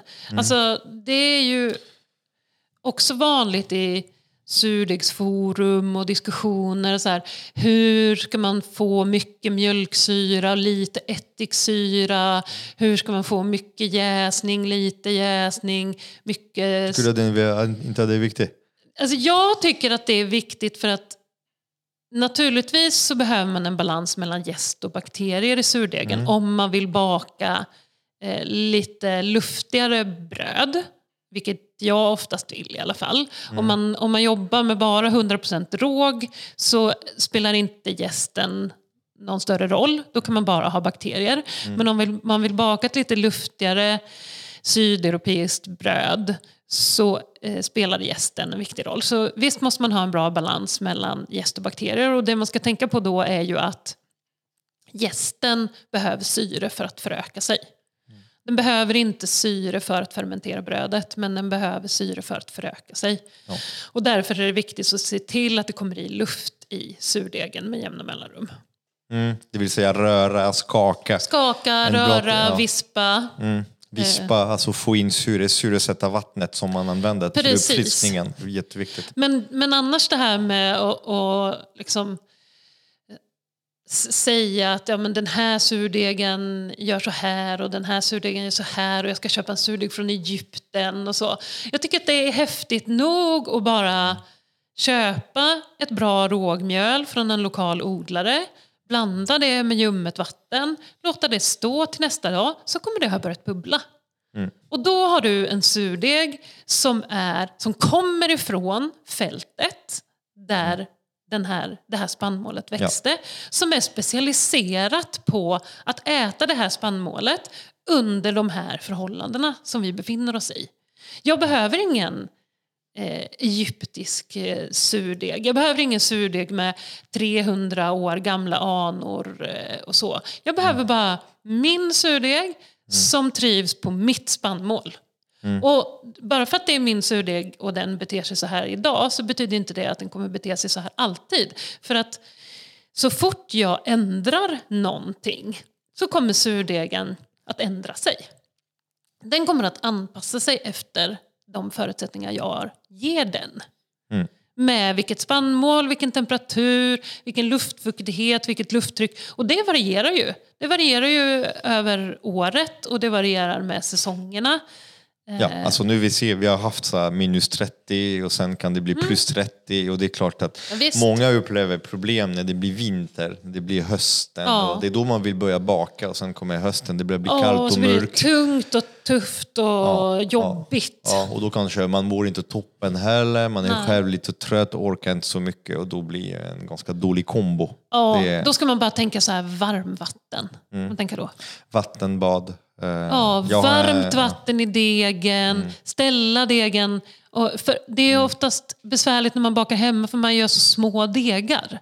Man gör ju Mm. De deg till kanske fort, ett. Mm. eller två, tre bröd. Det blir kall fort. Och då jäser den inte och då så blir den inte färdig när man hade tänkt och så blir man ledsen. Mm. Så jag tar varmt vatten och med varmt så menar jag kanske 37, 38, 40 gradigt vatten. Mm. För mjölet är kallt och så. Få degen att bli varm. Bädda in eh, bunken i en filt eller ställ den i ett vattenbad eller ställ den på en varm plats. Mm. Försöka hålla temperaturen. Jag har en liten hemlighet, att jag har en cirkulator. Mhm. Som det sous vide, en liten plupp där. Mm. Jag sätter den på 35 grader och stoppar surdegen och sen efter, om jag behöver den, då sätter jag degen på burken så Mm. den får den här värme underifrån. Eh, Det hjälper ganska mycket när det är kallt på vintern framförallt. Eh, Alltså värme är ju den enskilt viktigaste parametern Mm. för, för hur man kan påverka sin surdeg. Och då tänker man kanske att, att om det är 18 grader eller 22 grader, för mig som människa, det kanske inte spelar så stor roll, men varje grad påverkar jättemycket på hur, hur lång tid det tar för en bakterie att bli två och hur mycket den hinner äta under tiden. Mhm. Helt enkelt. Okej, så nu vi har kvalitetsmjöl, vi har surdegen. Om vi ska prata spannmål då, är det, är det, um, hur ska vi ta Sverige vidare nu när det gäller spannmål? För vi har en liten um, Dels det finns de moderna sorter som har blivit utvecklat för ögafkastning som kräver väldigt mycket insatsmedel. Jag gillar Ku- Ku- Kurre på, på Gotland, han brukar säga att de är som pippifåglar. De står här och de väntar och blir matade och sådär. Så han, han är jätterolig. Det är en av mina favoritodlare. Eh, och eh, sen har vi landsorter som har, en, som har ändå funnits längre. Alltså Ölandsvete, Dalavete, Alländsk och, och så vidare, Jak- Jacobi och så. Eh, sen finns då Dinkel, Emmer, Enkorn, alla de där. Eh, och sen finns de där gamla perenna sorter. Eh, som, det har- varit ganska mycket snack om det på sistone. Att det, vi- det, det skulle gynna oss att odla perenna vetesorter. Eh, vad, vad tror du är, är så? Jag förstår att eh, ska man välja en, ska man, va- vad, är, vad är strategi tycker du? Hur ska vi se spannmålsodling i Sverige i framtiden? Jag tycker att strategin ska vara att låta bönderna välja vad som, vad som passar på, på deras jordar. Och vad som fungerar i deras system.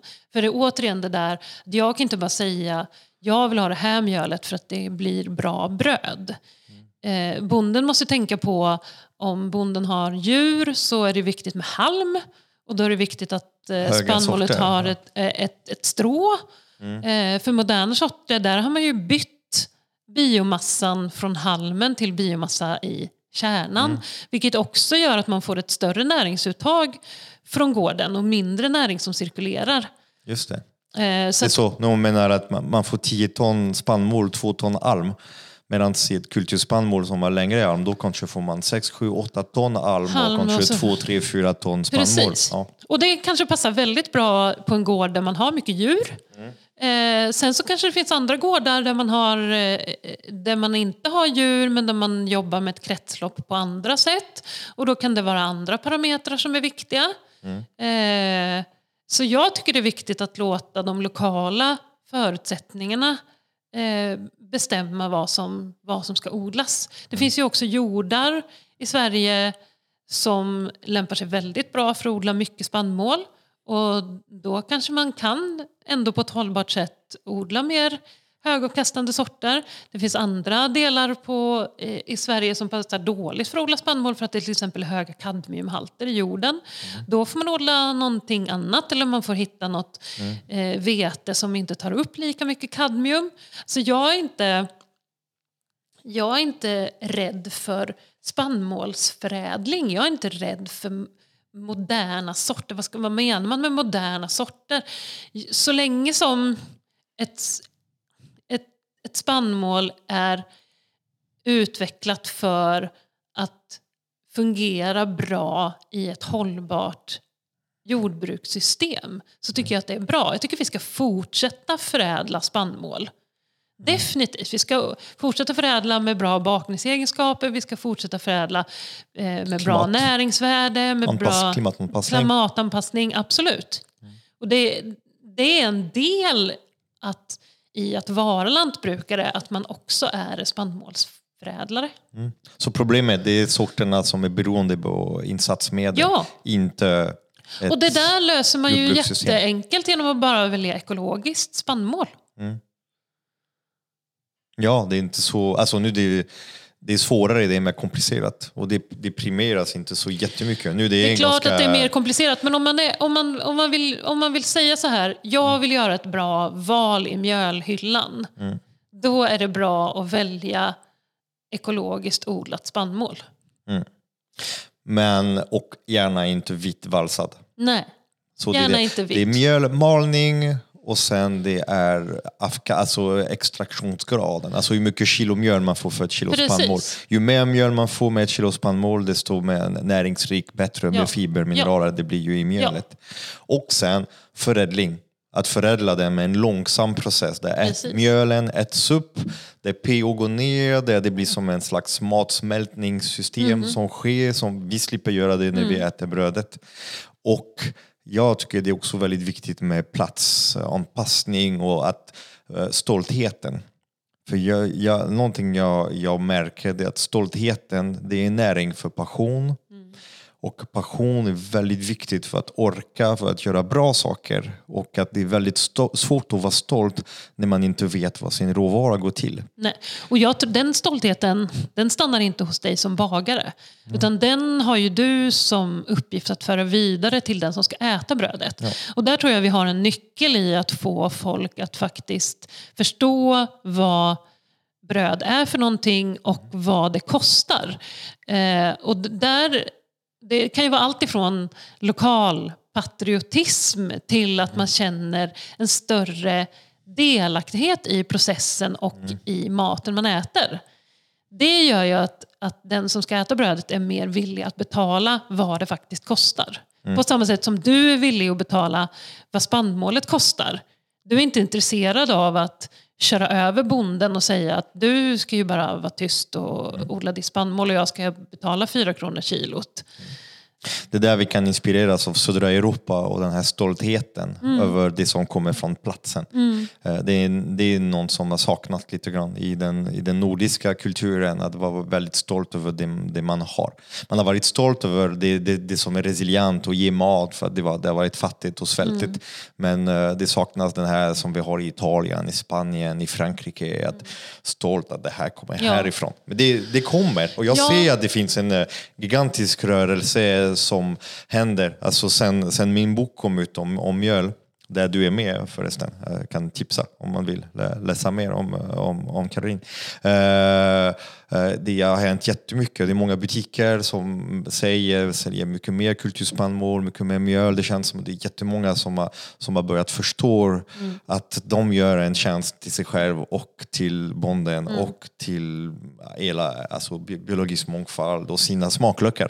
Ja, och inte bara kunden förstår, utan den här kulturspannmålsrörelsen gör ju att även lantbrukaren som är van vid att bara åka till Lantmännen och tippa i en mm. hög mm. helt plötsligt förstår att han eller hon producerar någonting som är värdefullt. Ja, det där stoltheten kommer. Precis. Det går inte att ha stolthet om man inte vet. Stoltheten mm. sprider sig, mm. sprider sig liksom längs den här spannmåls, eh, kulturspannmålskedjan. Mm, mm.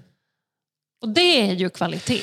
Och är det någon som ska vara stolt, det är våra matproducenter. Ja. För de som sätter mat på bordet, det är de som gör det som är slitet, det är de som tjänar minst pengar. Mm. Alltså matkronan i Sverige den är väldigt dåligt uppdelad. Om man tittar på hur mycket producenten får kontra hur mycket andel till mm. exempel får. Är det industrin som förädlar och ofta spädda ut allting och, och, och, och gör det så billigt som möjligt. Så att eh, eh vi Ja, jag gillar att man kan, man kan titta på, på alla spannmål. Eh, att, att alla ju är viktiga och det finns en funktion för vi kommer behöva ändå ha en slags övergång.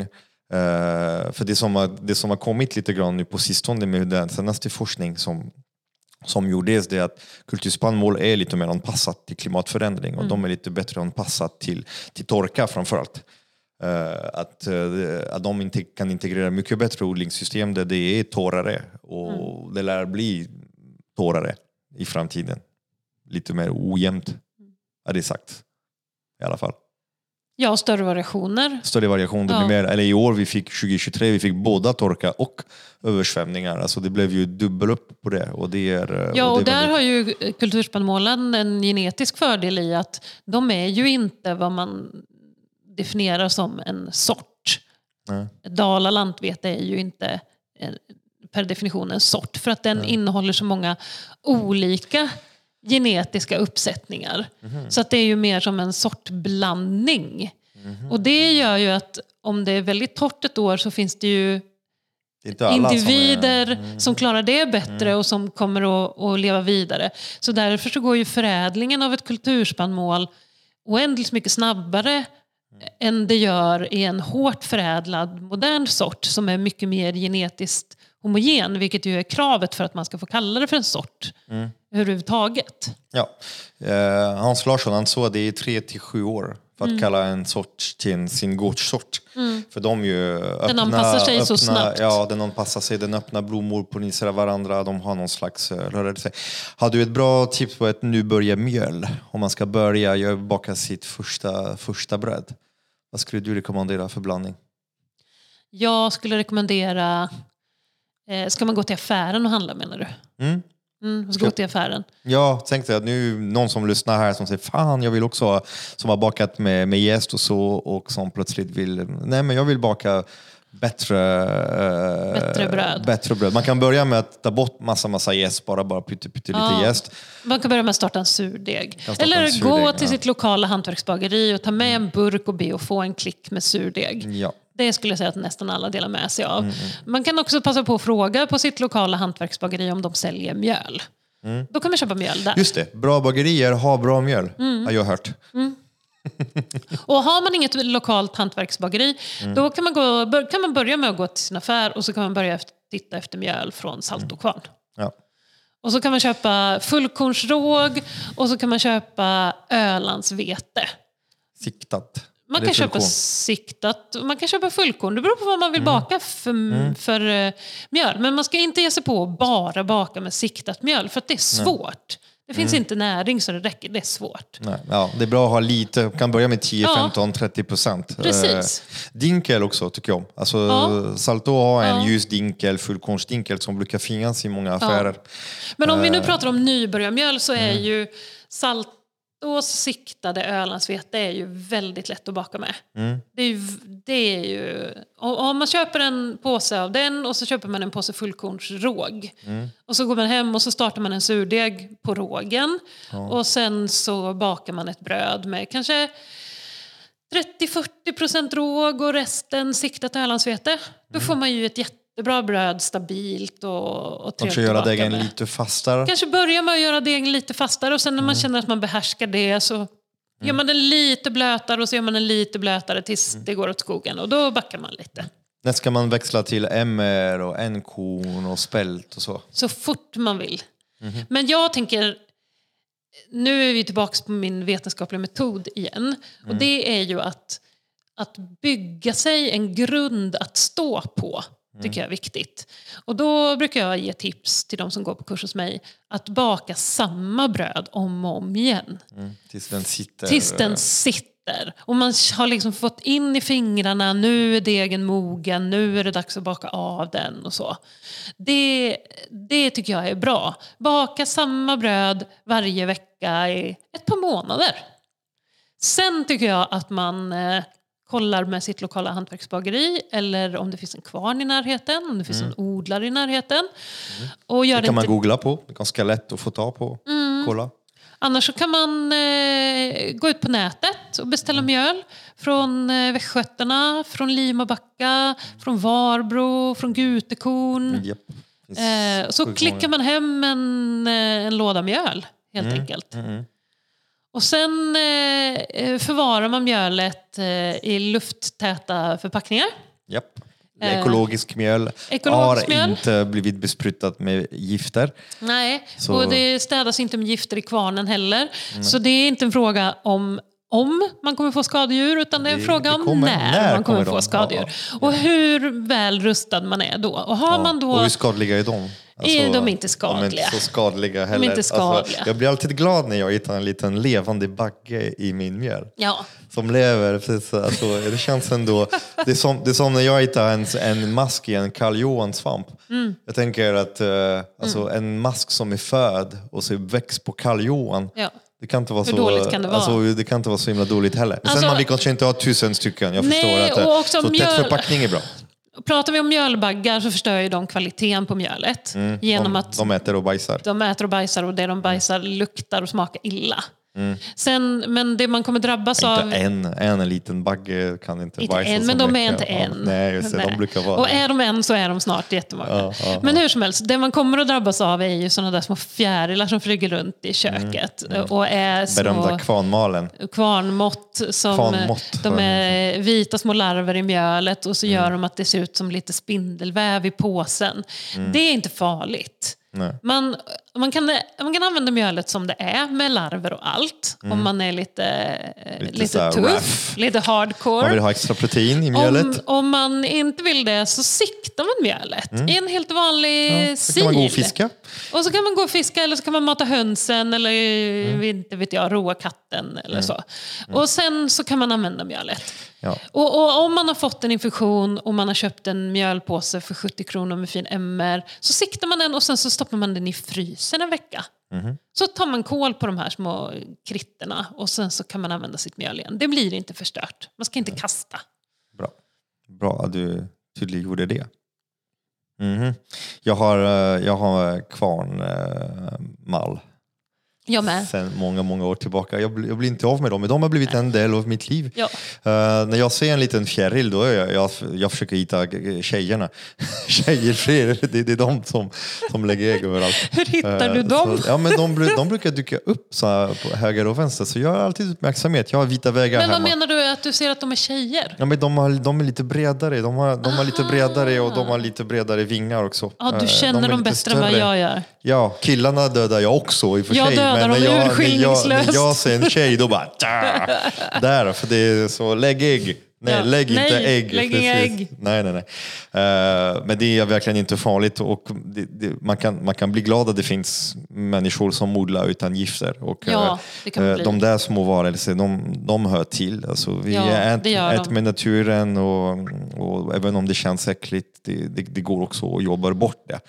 Eh, och Ja, och det är, ju, det- är samma sak som det där med att det var inne med ekologiskt och sen så var det inte inne längre. Jag tror att det är någonting som man tänker att jo men jag ska köpa ekologiskt och sen så blev det lite dyrt och så blev det lite jobbigt. Och så ha- hade man inte den övertygelsen. Jag tror om man bestämmer sig för att man vill baka med kulturspannmål, antingen för att de är väldigt goda, de är väldigt näringsrika, de främjar ett bättre odlingssystem, de sprider stolthet i hela, i hela kedjan. Eller det bara känns som att det är det jag kan göra för att världen ska bli bättre. Då tycker jag att då så får man ställa in sig på att det kan dyka upp lite skadedjur. Eh, och, och så får man inte bara, när de gör det, så får man inte bara säga äh, det var inte så bra i alla fall. Jag skiter i det, det bra var ju skadedjur. Utan man får förstå att det är en, det är en, del, det är en del av det. Ja. Alltså kvalitet, kvalitet, det är där som är skillnaden med kvalitet och, och kvalitet. Alltså det, det påverkar inte kvalitet. Jag ser den som en kvalitetsbegrepp. Ett mjöl som är, som är ju inte besprutat. Alltså det är Ja. så mycket bättre. Och, eh, Ja. Men det, det händer väldigt sällan. Ett tips är att eh, köpa mjöl, använda den så fort som möjligt. Mm. Ha, köpa sådana plastlådor med tätt lock och sen ha Mm. det där inne, förvara den sval. Förvara svalt. Ja, Har man och- plats i frysen kan man lägga det i frysen. Ja, och mjöl är en färskvara. Det ska ju användas bums när man har köpt förpackningen. Eh, Så det blir alltid bäst så. Shit vad vi har babblat. Eh, Så är det någonting du, du vill tillägga? Tanken sa att någonting du vill lämna med dig till alla som lyssnar.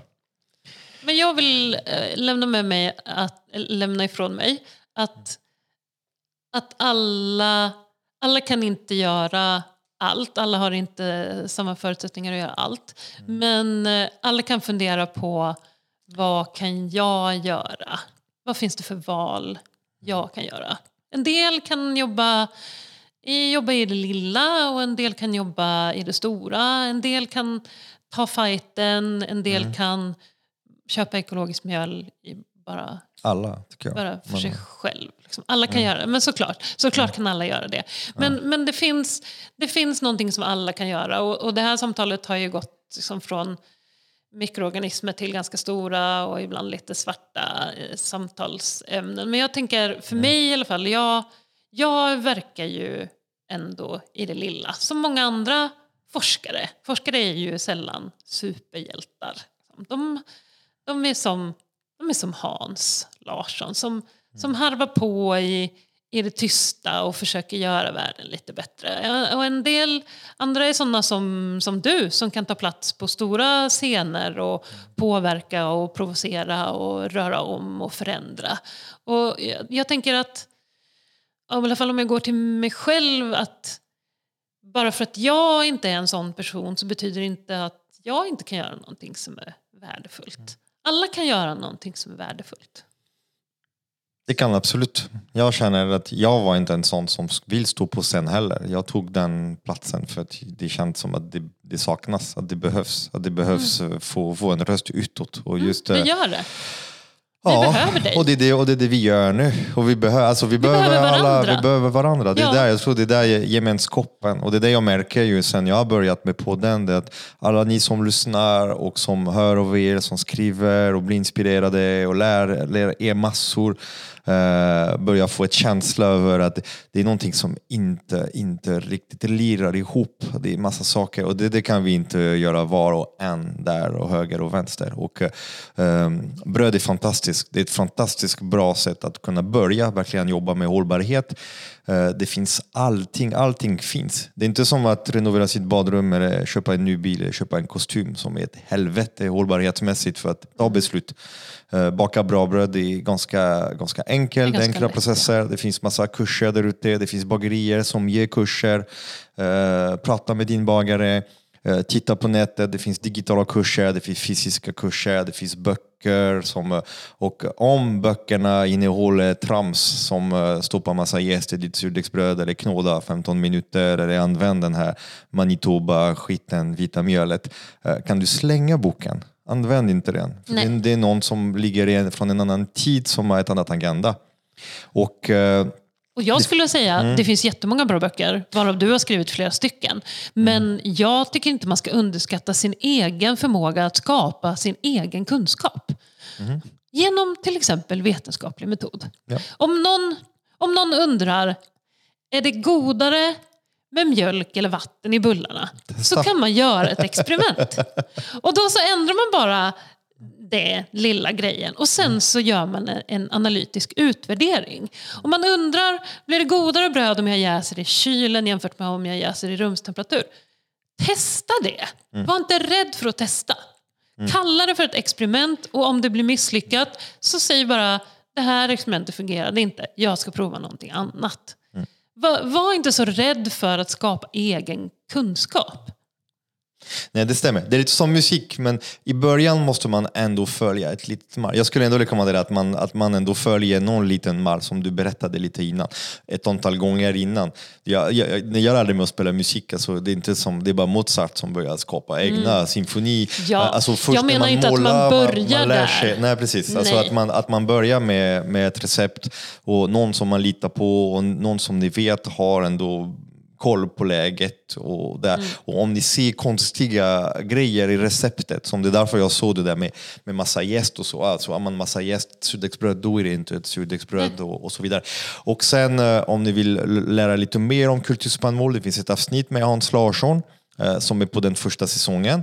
Och eh, eh hans, eh, han är lite så förfader av kulturspannmål i Sverige som har verkligen gjort otroligt mycket. Inte bara i Sverige. Inte bara i Sverige dessutom, ja just det. I, i, Norge också. Ja, och i Finland Norden. också. Och i Danmark också lite grann, absolut. Och eh, eh, det finns en, om ni är intresserade av kulturspannmål, det finns en förening som heter Alkorn. Och Alkorn är öppet för alla som vill vara med och de är, de är värda att stöta. De är fantastiska odlare som just kämpar för att befria frö, free the seeds. De vill fria fröna, för fröna är hotade och stora, stora bolag vill gärna sätta någon slags blockus på, på vilka frö som går och inte går och som man får göra kommers eller inte. Mm. Och de sitter och försvarar de där gamla sorterna som, så att fler ska kunna odla den. Eh, och eh, ah, blev för mycket bröd. Tack så mycket Caroline för att du var med. Tack Sebastian för att jag fick vara med. Japp. Och det var vår första bagare. Det var definitivt inte den sista.